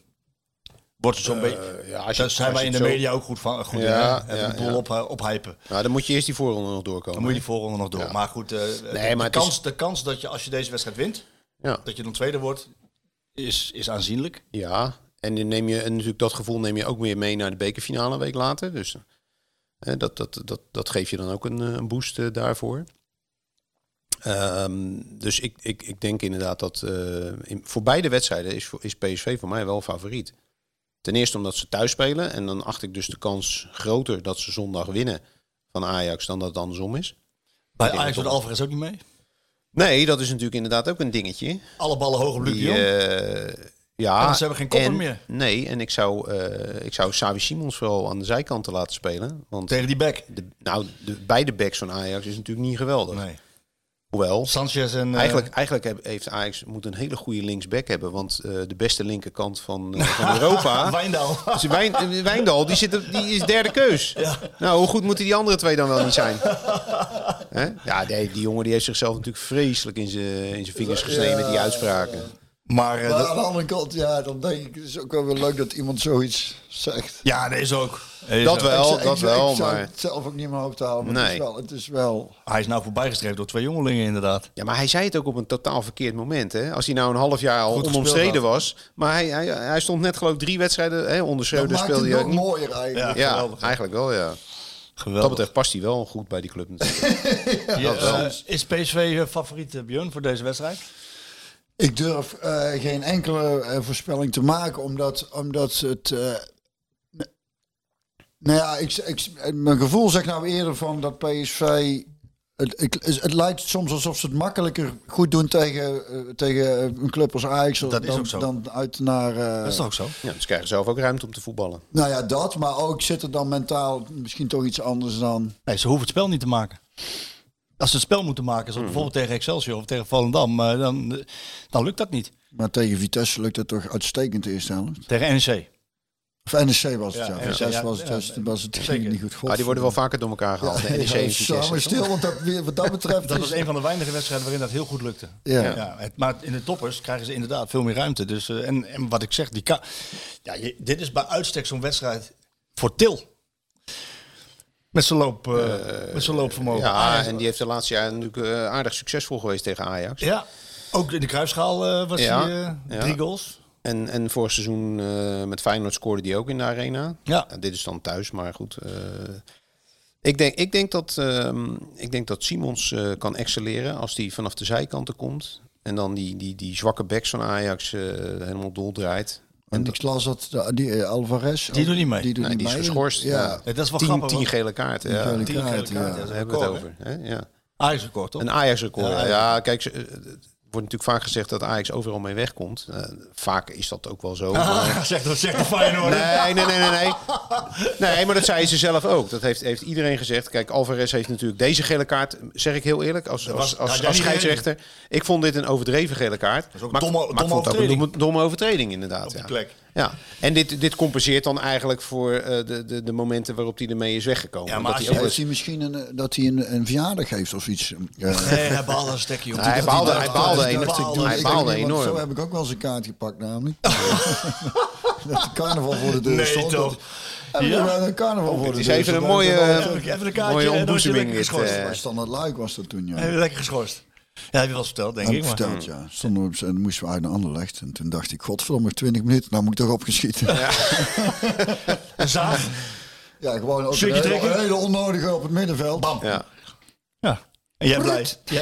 Yes, hand- hand ook niet je handen omhoog naar die scheids van... sorry, eh, het was niks aan de hand. Nou ja, dat is ook... Nee, maar die Alvarez, daar hebben we data van bekeken. Die, zijn, over zijn kopkracht. Hij, hij kopt ongeveer in zijn eentje alle ballen van Ajax. Ja. Ja, dus alles door de lucht. En, en bij Ajax zou je zeggen, die, de spelervattingen tegen, daar zijn ze heel slecht in. Nou, als Ja. Alvarez niet meedoet en je hebt Luc de Jong daar, nou, daar gaat PSV echt van profiteren. ja, dat kan haast niet anders. Kan haast niet anders. Nee. Dat kan haast niet anders. Dus eh, er wordt, eh, ja, ik denk dat PSV, eh, Veel ballen in de 16 gooien. PSV licht favoriet voor deze, voor deze wedstrijd. Ik ben benieuwd hoe Ajax gaat spelen. Want als, als, ja, ze kunnen eigenlijk maar op één manier spelen. Dat is aanvallend. Ehm, en als dat goed gaat en, en ze scoren makkelijk, dan, dan is dat ook. eh eh, dan kunnen ze misschien die wedstrijd winnen. Maar ze zijn zo, zo matig. Ze zijn zo matig. Ja, maar dat, is, dat heb ik... eh, En, en nee, maar ze, omdat ze alleen maar kunnen, ze kunnen eigenlijk alleen maar aanvallen. En ze zijn eigenlijk heel matig in het verdedigen. Dus ja, Mhm. PSV gaat met de loopacties van Til, met de snelheid en de dribbelvaardig- dribbelvaardigheid van Simons. Eén tegen één, Bakayoko wil ik wel zien. De kopkracht van Luc de Jong.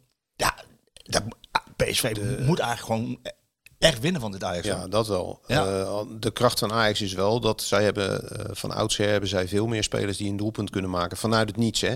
Ik was laatst zelf eh, in de Kuip bij de bekerwedstrijd Feyenoord Ajax. Ja, jij die, eh, die batterij? Zoals je weet heb ik nog nooit gerookt. Een batterij, Dus, eh, oh, een batterij, ja. Een batterij. Nee, ik, ik zat helemaal aan de andere kant eh, gelukkig. Ver gooi je dan.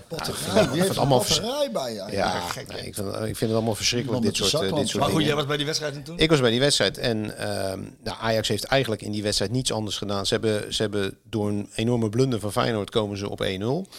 Eh, daarna hebben ze niets anders gedaan dan... Vechten en ploeteren, klopt. ja, en, en, maken, en traineren, traineren. Daar zijn ze natuurlijk ook wel gehaaid in. Maar dat is niet des Ajax, Harry. Dat is totaal nee, niet des Ajax. nee, dat zegt genoeg over hoe zij op dit moment in hun vel zitten.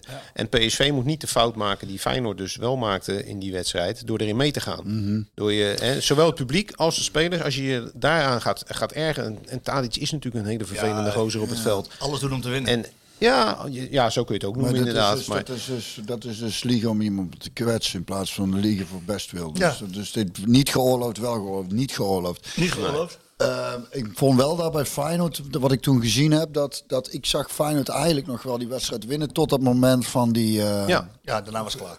Dat je, wat je met, met wat de vorige keer al met Sjoerd ook, dat, dat je voelde gewoon van het, in het stadion dat eh, eh, het hele publiek ook zoiets had van... ja. Ja. Ja, de, de, de heerste een beetje zo'n sfeer van. Ik hoorde dat ook wel mensen om me heen op de tribune zeggen van. eh, eh, ja, eh, ook al maken we nog 2-2, dan worden we toch wel uit het toernooi gegooid of zo. Ja. Hè, zo Ja, van, het doet, het doet allemaal niet meer ter nee, zake. Nee, nee dat, dat, dat merk je meteen. Dus ik had meer het idee dat het dat was. En ze, en ze missen de kansen Maar natuurlijk. goed, die ze PSV moet daar dus niet in meegaan. Nee. En Dat, eh, want dat, ja, je verwacht dat, dat ze dat gaan doen. Dat zou eigenlijk betekenen dat ze op, eh, op een 1-0 of een gelijk spelletje uit eh, zijn, Ajax. Dat kan ik me niet voorstellen, want je kan een directe concurrent gewoon eh, ja, een tik op de king geven eigenlijk. Ja, Acht tellen. ja. Maar gelijk spel, zou, ik denk dat Ajax daar de- dat, daar echt wel blij mee is. Op voorhand zijn ze daar niet mee, eh, want zij hebben ook niet zo'n heel zwaar programma meer. de- Hoewel, nou, ze krijgen AZ nog. AZ en Twente uit. ja, laatste Twente, maar dat is natuurlijk de laatste speeldag. Laatste Dan speeldag. kan waarschijnlijk eh, voor Twente is het misschien al klaar dan. Thuiswedstrijd, Twente. Ja, oké. 25, 30.000 man die daar Ja. zit, die gaan echt Nou keer- ja, goed. Dus, dus kijk, dat kan ook in het voordeel van PSV zijn. Als, als Ajax inderdaad denkt van, nou, wij moeten deze wedstrijd winnen, gaan ze op de aanval spelen. En Maar dan heeft PSV. anders, Harry, toch? Eh, nee, norm- normaal gesproken doen ze dat altijd. Ja, even even over PSV. Hoe, hoe zou je het middenveld inrichten tegen Ajax? Guti? Laat maar. Nog een keer Koetie. En zijn broer? En ze- en ze uit trouwens nog gereageerd. Ja, wat leuk hè. Heel grappig, ja. Sjoerd die had het... eh, jouw, jouw liefdesverklaring aan Guti eh, op eh, socials gezet en hij had gelijk gereageerd. Hè? Ja, ja. Guti Galavis. Eh, al zei al, ze hebben nou open trainingen gehad, dus je kunt er van heel dichtbij zien als je wil. Zo erg is het ook weer niet. Maar misschien dat ik volgende week even kom kijken. Ik kom er straks in de vragenronde nog op terug. Eh, maar hoe zou je je middenveld inrichten? Ja, ik blijf het heel moeilijk vinden, want... want ehm, Ja, Til gaat denk ik spelen. Maar ook, ook na zijn glansrol tegen Volendam. Ook hoe- wat hij heeft laten zien tegen Ajax in de, in de, in de kruisgang met zijn loopvermogen. Ja. Neusje voor de goal. Rendement. Die gaat spelen. Ja. Nou, dan Veerman gaat spelen. ja, jij, bent, jij bent aan het invullen nou. Nee, de, de laatste. Nee, maar die, die, die, ik geef jou even twee. Die twee gaan spelen. Ja, ja. Moet Guti spelen of Sangaré? Goodie. Ja? Ja. De- gewoon de- eh, met zijn Nou ja, ik, ik, je weet, ik was de eerste die eh Sangaré eh, op waarde wist te schatten. Die gozer is natuurlijk hartstikke goed. Ik maar- de tweede. de tweede. Ja, ik moet jou af en toe even bij de hand nemen. Maar dan, ik moet zeggen, hij, ik kan, best, hij kan best vol examen Ik ben een hele snelle leerling hoor. Ja, een hele snelle leerling. Nee? Redelijk. Zei je heel of redelijk? Hele. Redelijk. Redelijk, redelijk, hele. redelijk snel. Ja, ik heb eh, hem vroeger ook nog wel eens kunnen overtuigen. Uiteindelijk slaan we hem zo. Ja, ja, ja. Geen enkel probleem. Ja, Maar Ham- dan zou Hamer en Timmer, dat zou is een mooi toch, duo eh, natuurlijk. Ja, zou ik toch voor Guti gaan. Ik heb wel het idee dat Sangaré ook gaat spelen. Zou dat dan ten koste weer van Guti gaan? Dat zou ik toch wel heel sneu vinden. Want ik, ik vind dat hij het heel goed heeft gedaan. Heel goed ingevuld. Sinds hij weer speelt. Het is denk ik ook een... eh, Wat denk jij, ik Audi? denk, ik denk dat, sorry heel even snel, ik denk ook dat, ze, dat, dat, dat zijn karakter daarin eh, hem niet mee zit. Omdat volgens mij gewoon een hartstikke lieve, zachtaardige jongen is die, al- die altijd welke rol hij ook krijgt accepteert. Dus hij is ook makkelijker te passeren lijkt het dan. Ja, maar dat, eh, maar- wat, wat, wat zou je doen? Sangaré of Guti? Veerman ik, zou beginnen, ik, zou beginnen, ik zou beginnen met Guti inderdaad. Omdat hij toch meer voetballer is. En op het moment dat je bijvoorbeeld, stel dat je 1 of 2-0 voorkomt. Dan zou je, naarmate de wedstrijd voordat, zou je Sangaré kunnen inbrengen om de boel te breken. Ja. En tegelijkertijd de counters eh, te laten starten van, vanuit hem. Want dat kan hij natuurlijk wel. Maar is, het dat- geen, maar is het geen optie om en Sangaré en, en Ja, dat eh, Guti te laten dat- spelen? dat Want Dat denk ik ook. Dat gaat de kosten van Til. ja, dat denk ik dan ook. Gaat hij niet doen. Nee, of je, ja, je, je zou hem als centrale verdediger nog neer kunnen zetten. Sangaré. Nee, Sangaré. Dat doet hij nooit. Nee, oké, maar meer eh, dreiging naar als voren. hij En, dan, eh, als hij dan toch... Maar ik eh, heb het nou nou met dat Veerman het best wel over gehad, lastig is, want ik zie Ja. inderdaad die rol van Til ook al tegen Ajax. Dus het is allemaal, het is, ook daarin is, kijk, Veerman heb ik wel mee over gehad, over, die, over, over het samenwerken met Guti eh, en ook samenwerken met Sangaré. Die zegt ook van dat wat, wat mij opviel in de data en, en ook in de heatmaps, is dat als Guti speelt, dan, dan, dan speelt Veerman hoger op het veld. Omdat hij weet van, er staat er nog in achter. Die zijn positie houdt. Want Veerman, of uh, Guti speelt echt als een zes, zeg maar. ik denk namelijk dat als je ergens kwetsbaar bent, dan is het wel in de, in de omschakeling tegen Ajax. Hè. En dan, dan is het wel prettig als je zo'n Guti hebt die dan dat middenveld toch een beetje bij elkaar houdt. Want daar, daar, want daar zou je wel kwetsbaar kunnen zijn dan. Hè. Dat weet je bij Ajax over het algemeen wel aardig weg te voetballen. Als er wat ruimte komt op zo'n middenveld, dan, Ja. dan, dan kan het vrij snel gaan. Dan heb je wel mensen nodig die, eh, die dat een beetje bij elkaar houden. Nou, ik, ik, eh, ik denk dat of ik denk, ik denk dat En nou PSV niet dadelijk Nee, achteraf ik denk zeggen... PSV, hoe- ik denk dat PSV deze want wedstrijd... dat ken ik, want eh Ik denk dat nou, PSV nou komen we er eigenlijk niet uit, maar achteraf weten we precies... Nou, ja, ik, ik denk uiteindelijk dat hij kiest voor Zangaré. Waar vind jij? Nou, ik, ik wil- vind dat ik wil- zou Guti spelen. Ik zou Guti opstellen. Hoe ziet, jouw, hoe ziet jouw ploeg eruit? Guti, Veerman en Til. Ja. En dan, en dan inderdaad. En Til. Ja, ook en dan, en dan Simons van der Flank. Ja. Die dan tussen de linies komt. Van Arnold eroverheen voorzetten op Luc de Jong. Bak, eh Bakayoko er langs voorzetten op Ik Luc ben de heel Jong. benieuwd ook naar Bakayoko, want ik denk dat hij nou meer ruimte gaat krijgen dan ook. Ja, en dan- Algazi wordt ook steeds fitter. Dus die kan je ook daarop. Die heeft wat meer ervaring. Ik ben wel, ik vind zo'n Bakayoko wel, heb ik al vaker gezegd. Volgens mij krijgt hij af en toe best wel wat kritiek, maar ik heb het idee dat hij wel iets creatiefs in zich heeft, wat, wat als dat zich lekker doorontwikkelt. En, want hij is nog jong, hè? Hij is ik, heel zou jong, hem, hij is ik, zou hem, ik zou hem echt Hij heeft veel wel iets druistigs, heeft hij nog. Hè, Ja, maar dat is ook ergens zijn kracht. Ik vind het ook leuk om naar te kijken. Ja. En het is af en toe verzandt het nog in. Maar als je ziet van, oké, als een actie bij hem niet lukt, dan zit er meestal toch wel iets aan vooraf. Wat toch al heel interessant was. Of wat er al heel de moeite waard was om naar te kijken. Hij moet het niet vertragen alleen. Hij moet het niet vertragen. Nee, maar hij heeft het ook niet, maar van wat ik gezien heb, heeft hij vaak twee, drie man dekkingen. En het is ook omdat we het centraal niet echt lekker uitgevoerd krijgen. Dus het is makkelijker, de flanken zijn dan wel makkelijker te verdedigen. Omdat dat eigenlijk het enige is waar bij ons echt gevaar komt. Of door een loopactie van Til dan eh, door het centrum. Ja, als hij Dus- twee, twee, drie man dekking heeft, dan betekent dat er Ruimte. op het veld ruimte is. En dan moet je inderdaad snel dat spel kunnen verplaatsen. En dat, Ja, is, een van, dat is een van de dingen wat, wat Feyenoord bijvoorbeeld wel heel goed doet. Ja, Als, als de, de buitenspelers, hè, Idrissi krijgt bijvoorbeeld ook vaak dubbele dekking. Nou, als je dan snel, snel die wissel paast naar de andere kant. En dan je, trek je die verdediging uit elkaar. ja. Maar daar gaat bij ons dus... de- Dat gaat bij PSV wat moeizamer inderdaad. Ehm, Harry heeft, de, heeft de, de uitslag van deze wedstrijd invloed op de bekerfinale, denk je? Komende zondag. Eh, nou, dat kan het hebben, ja. Kijk, dat, dat kun je natuurlijk nooit... Het is geen wiskundige formule. Dat is het nooit in het voetbal. Het is altijd cliché, cliché. Een wedstrijd op zich. Hè? Ja, nee, maar zo is het wel. Ehm, Ook, maar ik, ik ook, denk ook wel... als er eentje 3-0 verloren heeft, dat de ander denkt van... Godverdomme, die beker zullen we nou winnen. Nou, kijk, mentaal kan het natuurlijk... Ja, mentaal kan het zeker meespelen, ja. Kijk, eh, stel dat PSV zondag wint. Dan staan ze drie punten los van Ajax. Nou, dan kunnen ze, denk ik, redelijk veilig... eh, kunnen ze ervan uitgaan dat ze tweede gaan worden. Dat zou kunnen, ertoe kunnen leiden dat bij Ajax ze denken van... Nou, dan maar die beker. Ze noemen het altijd een troostprijs daar, behalve als ze winnen. Zegt de Feyenoorder. Nee, dat is gewoon in het algemeen zo. dat is maar overal zo. Ja, maar de, en dat kan bij PSV dan weer iets teweeg brengen van, nou weet je, laat hun die beker maar. Als wij die, hè, we gaan geen blessures oplopen, we- als wij die tweede plaats maar vasthouden. Dus zo zou het kunnen gaan. Maar het kan ook zijn dat ze denken van, zo en nou zitten we er lekker in. Kijk, stel dat, stel dat je zondag, eh, want het, hè, dat dan kom ik nog even terug op mijn boek natuurlijk. Maar het- het- het- soms, soms zijn het hele grote uitslagen die er ineens vallen, PSV Ajax. Ja, vertel. 6-2, eh, maar het is ook wel eens 1-5 geworden. Eh, dus het, het zou zomaar kunnen dat je zondag PSV ineens met 4-1 eh, wint of zo. Nou, dat Ik geeft... hoop dat deze woorden voor alle PSV'ers profetische waarde krijgen. Ja, ja. Ik heb, ik moet, ik moet- maar dat geeft je dan zo'n enorme boost... dat je ook eh, met heel veel vertrouwen natuurlijk die bekerfinale ingaat. En Ajax gaat daar dan met knikkende knietjes eh, in. Dat denk ik wel. Want dat, dat is natuurlijk daar... eh, als je het dan hebt over een mislukt seizoen... is het natuurlijk daar nog veel erger. Dan krijgt John de Jong alsnog gelijk. Hè? Ik vroeg hem in de voorbereiding van hoe eh, je wil het gat met Ajax verkleinen. Mm. Zei hij, we, we willen die verkleinen, we willen eroverheen. Ja, Nou, dat kan maar zo. Als je tweede ja ik, denk, ik, denk dat, ik denk dat We hebben niemand... nog nooit zo lang gepraat over een tweede plaats. Hè? Dat is eigenlijk ook... Is eigenlijk, Mooi, hè? vind je dat mooi, jongen? Ja.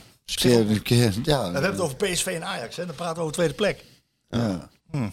Nou, Van Nistelrooy gel- gelooft nog steeds in de titel. Ja, dat vind ik ook mooi. Ja. Dat is toch ook ongelooflijk, hè? Ja, dat, dat, dat moet hij natuurlijk zeggen. En, en- We gaan voor het hoogst haalbare. ja, nou ja, dat snap ik ook wel. Je gaat niet zeggen nu van, eh, nou, het is klaar.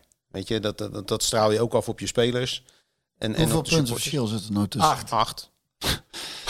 ja, ja, Dat is veel, hè? Dat is wel echt veel. ja. Echt veel.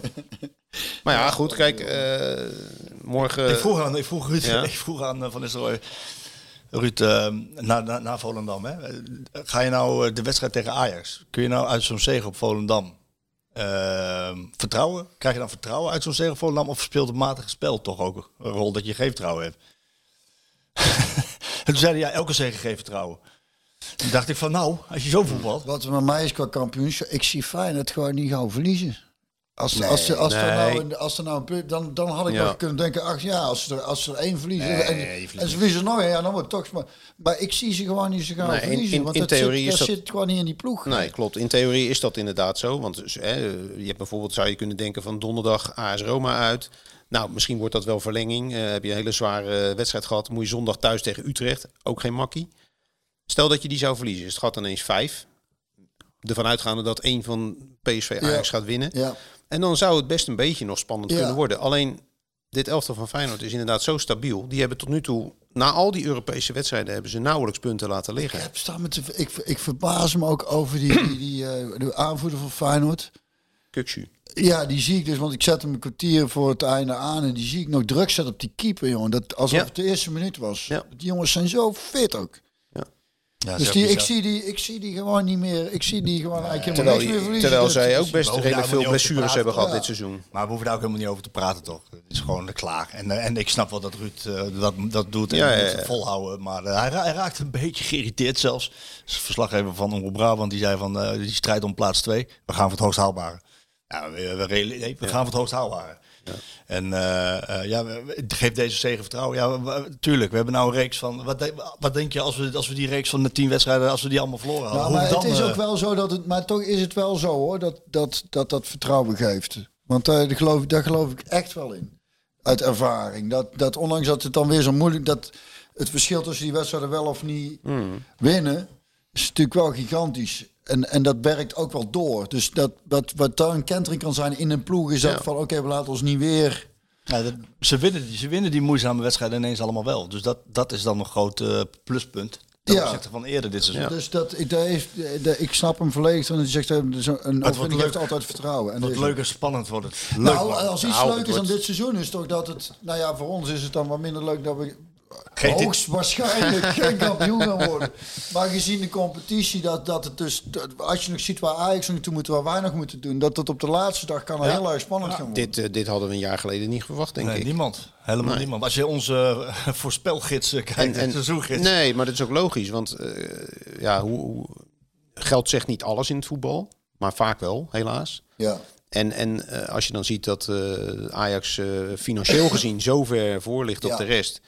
Dan zou je denken van, nou, die, die kunnen, hè, dan verliezen ze wel een hoop goede spelers, maar die kunnen makkelijk een paar hele goede ervoor terughalen. Nou, dat is blijkbaar, dat is dus duidelijk niet gelukt. Dat, is, da- dat is dan iets wat een beetje En- hoopgevend is. Ja, en als je, als je bijvoorbeeld bij, bij Feyenoord ziet, eh, van dat elftal dat vorig jaar de Conference League finale speelde, van de basisploeg, van die elf, er zijn er nog maar vier van over, Vier, hè? vier, ja. Vier. Ja, waarvan Nou. drie spelen. Eh, Kuksu, even kijken. Bijlo. Geertruida Geertruida en nog één. en eh, Pedersen. Ja, nou, die speelt, niet, speelt Nee, niet eens altijd. Ja. Nou, dus dan denk je van, oké, die moeten helemaal opnieuw beginnen. Eh, dat wordt heel lastig. Ja? En, en, en PSV eh, nou, raakt dan tijdens het seizoen natuurlijk zijn sterkhouders ja wel, maar die halen eh Luc de Jong terug. Die halen Til, die 15 keer gescoord heeft Ja. bij Feyenoord. Die halen een nieuwe keeper. Mm. Maar goed, er is wel wat gebeurd hier, hè? Ja, Is wel wat gebeurd. Nou, daarom. Dus, dus dat is wel inderdaad het leuke leuk. ervan. Dat het gelukkig niet zo voorspelbaar is. Want Mhm. anders krijgen we dadelijk een, eh, worden we dadelijk ook een soort Bundesliga... waarin Bayern München elk jaar kampioen wordt. We gaan eh, richting, eh, richting einde voor we nog even wat. daarna gaan we nog even wat vragen beantwoorden. Ehm, heb, je, heb, je, heb je nog iets op je lijstje staan dat, dat absoluut benoemd moet worden? Wat in je boek staat, Harry? Ehm, ja, als we het dan toch over PSV Ajax hebben natuurlijk. Eh, of, of wil je meer, Kampioenswedstrijd wil je meer, van, wil je meer nog eerbetoon Ja. van Van der Kuilen? Wat jij wil, jongen.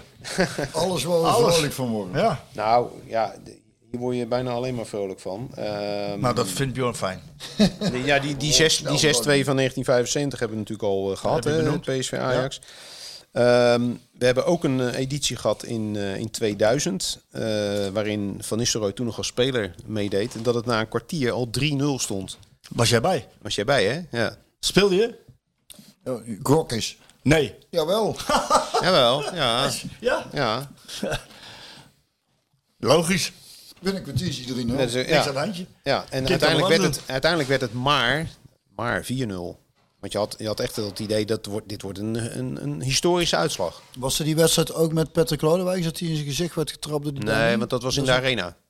Dat was in de arena. Toen werd het eh, 2-2. Oh, je was bedoelt- wel datzelfde oh, seizoen. Toen thuis, Dit was thuis. met- Oh ja, met 4-0. Ja, ja, 4-0. toen deed ik ook mee aan. Ja. Dat was het heel lekker weer, zondagmiddag, weet ik nog. Nee, het was een avondwedstrijd. Jawel, ik heb de beelden teruggekeken. Dit, is een, dit was een avondwedstrijd. Eh, Dat is ook lekker dit. Fred Grim in doel bij Ajax. Eén van jullie heeft geen eh, gelijk. En nee, het was echt een, een doordeweekse... Van Bommel scoorde. eh, Van Nistelrooy maakte er twee, volgens mij. één naar de strafschop. Nee, die maakte er drie. Eh, in, diep in de tweede helft maakte hij ook de 4-0 nog. Ja, Ajax had toen ook een heel slecht eh, jaar. Jullie werden heel makkelijk eh, kampioen met een enorme voorsprong. Heerenveen was tweede dat jaar. Een avondwedstrijd tegen Ajax. Maar Ja. die gingen de Champions League in Het was inderdaad. een, was een doordeweekse avond. Eh, woensdag of donderdag. 4-0. Kort Dan, daarvoor... heb ik die, dan denk ik niet meegedaan. Nee, kort daarvoor hadden jullie in de arena gewonnen 1-3. Toen scoorde Ja. Van Nistelrooy ook drie drie keer. keer, Ja, ja. die, die speelde ik. Ja. Nou, en deze wedstrijd was... die 4-0 ook. En volgens mij, nou ja, ik weet in ieder Nee, geval, was ik meen een- dat was in ieder geval een zondagmiddag. Ja, oké. Oh, maar dat was een andere. Toen kwamen we met 1-0 achter. Die ik meedeed toen. Het, eh Davy Oy, die kopte hem toen terug. Ja, Tekort. En toen wonnen we uiteindelijk nog. Dat was die 3-1. ook met, met 3-1. 3-1. Die heb ik toen ja, meegedaan. Dat ja. was middag. Sorry, die zit niet in het boek. Nee, dat maakt was- was niet minder uit, ik memorabel, maar- Gewonnen, ik denk, nou, dat Nee, zal- tuurlijk. Dat zal wel die zijn Ja. geweest. Maar Ehm, ik kan me daar dan weer niks van herinneren. Van die, van die avondwedstrijd. Dat is ook apart zeg. Even kijken. Nou, dan hebben we nog een, eh, een 4-3 hebben we een keer gehad. Hè? Hier, eh, Zo. Vrij vroeg in het, in het seizoen was dat. Nou, daar hoop ik eigenlijk. eh, met- dat zou met- mooi zijn. Zeven goals. hebben we tenminste in ieder geval een leuke wedstrijd. Ja, en eh, in, in vrienden. 2009 werd het overigens ook 6-2. Een beetje vergelijkbaar met, eh, met, met de situatie van nu. Want door die 6-2 werd AZ toen kampioen. Ajax had nog een, eh, theoretische kans om nog te achterhalen. Maar PSV speelden ze die middag ook helemaal aan Met. Louis van Gaal. Twee, ja, Nee, AZ. Marco, van- Marco AZ. van Basten. Eh, ja, Van Gaal was trainer van AZ. Ja. En dat was dan eh, nadat hij natuurlijk eh, op de slotdag de titel had verspeeld in 2007 Ja, aan PSV. ja. Oh ja, die komt Die uiteraard ook in die het moet boek. in het boek staan. Ja, heel groot, de 5-0 tegen Vitesse. heel groot stuk. 5-1. 5-1, 5-1. Ja. Ja, dat was, dat, zo'n ontknoping gaan we nooit meer krijgen. Nee, Kijk, dit, dit is natuurlijk, dit seizoen is eh, ja, verrassend omdat je met, met drie ploegen, lange tijd met drie ploegen om de titel hebt gestreden. Uiteindelijk steekt er dan één toch bovenuit. Ja. En toen, toen- was natuurlijk, ja, Op slotdag. ja en, en elke ploeg is die, is die middag virtueel, kampioen, geweest. Ja. Want het begon natuurlijk met, eh, met AZ. Eh, Excelsior. Ja, en, en die hoefde alleen maar te winnen daar. Terwijl Excelsior, eh, die wisten al dat ze play-offs moesten gaan spelen. Dus de verwachting was van, nou, die gaan zich wel sparen voor die, dat toetje. Dus AZ doet dat wel. Dat, dat verwachtte eigenlijk iedereen. Alleen ja, toen na een De kwartier of tappers zo... waren al gezet. eh, dat is waar, een ja, zetje. ja, ja. Nou, dat, dat hebben ze toen ook bij, bij Ajax hebben ze dat een keertje ongelukkig gedaan. Hè? Die wedstrijd bij de Graafschap. De Graafschap, Er werden de stickers, bus. stickers op de bus. En dan eraf Ja, ja, ja. Die weer. komt, komt ook uiteraard. eh, Brian Smeets speelde eh, PSV tegen Pek Zwolle. Hè? ja, ja. ja. dus ik heb me geconcentreerd op die wedstrijd van PSV tegen Legendarische, Pek Zwolle. legendarische uitspraak van Tom Gerbrands over die wedstrijd. Een kleine kans is ook een kans. Ja, en dat precies. werd uiteindelijk... eh, Nou ja, dat zal Van Nistelrooy nu ook eh, Dat eh, denken. dus, nee, maar die, ehm, eh, die wedstrijd was natuurlijk ook ehm, eh, legendarisch die, die middag. Ja. Eh, 29 april 2007. Ja, dat gaan we nooit meer vergeten. nee, nee. Want het was, eh, dan scoorde die en dan was die weer kampioen. En, eh, en PSV was eerder klaar hè, dan de rest. Oh ja? PSV was, was op een gegeven moment klaar, Ja, 5-1. klopt. En toen waren ze in Tilburg bij Willem II Ja, Ajax, waren ze nog aan het spelen. En Eén één doelpunt. doelpunt van Ajax had betekend Dat dat... Amsterdam. Precies. Toen kreeg hij vrije trap nog in de 16. Ja, een vrije trap in de 16 inderdaad. De achter een laptopje te Ja, luisteren. ja, Ja. God, de God. Keeper pakte, keeper pakte een terugspeelbal op. En toen, ehm, weet ik nog wel, de Wesley Sneijder, die is daar Ja. nog boos over. Want die, die, had, die zei ook van, ja, ik had die vrije schap gewoon moeten nemen. Ja, niet dat dat een garantie was dat het een goal was geworden. Maar die eh, Spanjaard, die daar toen rondliep, die Roger, die zei gewoon van, eh, nee, eh, ik voel me goed, ik neem hem wel. Nou, Oh, ik dacht dat Snyder hem nam. En dat, Nee, die tikte hem de opzij. ook. Nee, die Oh, tikte hem opzij. En die, want die Spanjaard die wilde per se schieten. Die zei van, Oh. ik schiet hem er wel in. Nou, volgens mij zijn ze die bal nog aan het zoeken nu. maar dat liep dus even, even anders. En toen, ja, toen kwam ineens dat bericht natuurlijk door van eh, hier zo. Dat, eh, en toen was natuurlijk, ja, de mobiele telefoons waren er al wel. Maar het was nog niet zo dat iedereen een smartphone had en dat je meteen al dat, die uitslag eh, zag. Sterker nog, ik Dus dat kwam via de radio door. Want onze tuin had, was toen net gedoopt. En toen kwamen we thuis en toen keek ik op teletext. Nou, Dus dan kun je nagaan Ja. hoe dat, dat Hoe oud het is. Ja. Lang geleden. 2007. Zo. Eh, Harry, jouw, jouw boek staat vol met memorabele, memorabele wedstrijden. Ja. Ehm, 110 memorabele wedstrijden in het jaar dat PSV 110, 110 jaar bestaat. Ja, Eh, nog één keer, 28 april komt ja. die uit. vrijdagavond 28 april om Signeersessie. 7, om 7 uur is de signeersessie bij eh, Boekhandel van Van Pieren Pieren. hier in Eindhoven. Met Willy en René. Met Willy en René van der Kerkhof. Jan Portwiet zou ook langskomen. Leuk. Eh, nou ja, verder iedereen die luistert is uiteraard ook van harte welkom om een boek te kopen en een, met een mooie krabbel erin. Heb ik zo genoeg eh, reclame gemaakt? joh, of, ik eh? denk het wel. Wij, wij- wij- wij- wij kunnen ons onder blijven dompelen in, eh, in, in prachtige verhalen. Maar je, mensen moeten het boek kopen en, eh, en lezen. Ik verwacht natuurlijk een exemplaar natuurlijk en al deze promotie. Maar dat ja, Gesigneerd. wel gesigneerd natuurlijk. Hè? ja, dan moet je ook langskomen eh, die vrijdagavond. Ja. Het is de dag na Koningsdag, dus dan heb je toch niks te doen. Dan zit ik in Madrid. Maar voor de rest eh, komt dat zeker goed. Ehm, nog even tot slot. Voorspelling PSV Ajax. De competitiewedstrijd? Ja. Eh, 3-1.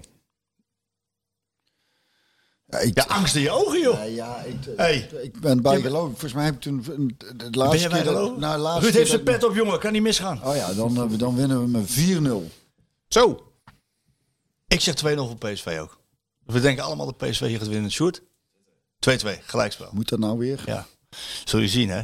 De enige aan tafel die gewoon eh gelijk spelletjes zet, die gelijk krijgt straks. Nee, nee, Nou, dan blijft het nog langer spannend eh, waarschijnlijk. Eh, Harry, fijn en leuk dat je er was. Graag gedaan. We eindigen altijd met muziek. Je bent een Ja. enorme muziekliefhebber, maar Ja. Björn is degene die de muziek uitzoekt. Kun je ermee leven? Of heb je een Ja, suggestie, nee, heb je een nee. suggestie die in de Skieten Willy afspeellijst moet? Ja, Doe ik hou ook, ik hou ook wel van een beetje, beetje, stevig, een beetje stevige muziek. Maar eh, mijn, mijn favoriete band is Pink Floyd. Oh ja. Nou, daar heb je vast wel wat moois van.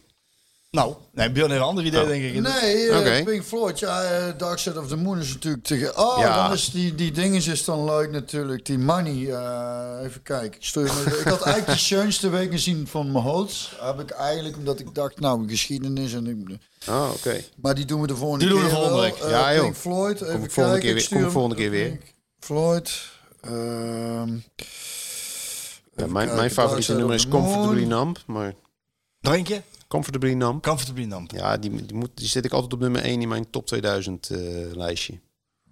Haalt hij de top 2000? Jawel, die Oh, staat altijd Staat er eh, wel in. vrij hoog, ja. Altijd meestal tussen de tiende en de twintigste plaats. Oh, Oké, nou, dan ga je inderdaad vrij hoog.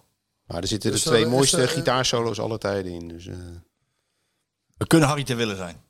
Zeker. maar- Oh, ik Kan zie- voor de ja, window. Ik stuur, wacht even, ik stuur, stuur, hem, stuur hem naar jou door. Ja. Even kijken naar Shoot. Shoot, komt hij aan, jongen. Shoot, hier er. Hop. Nou, komt hij aan.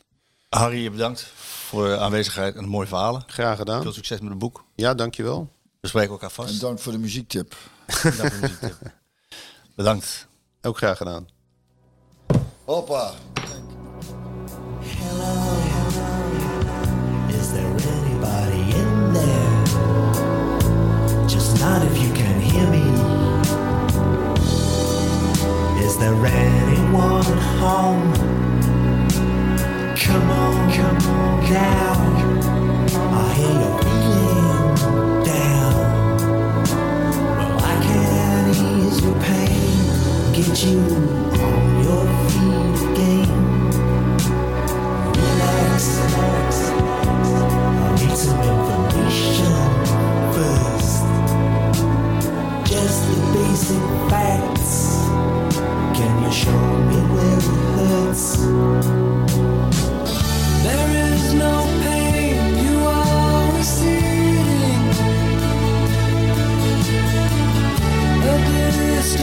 small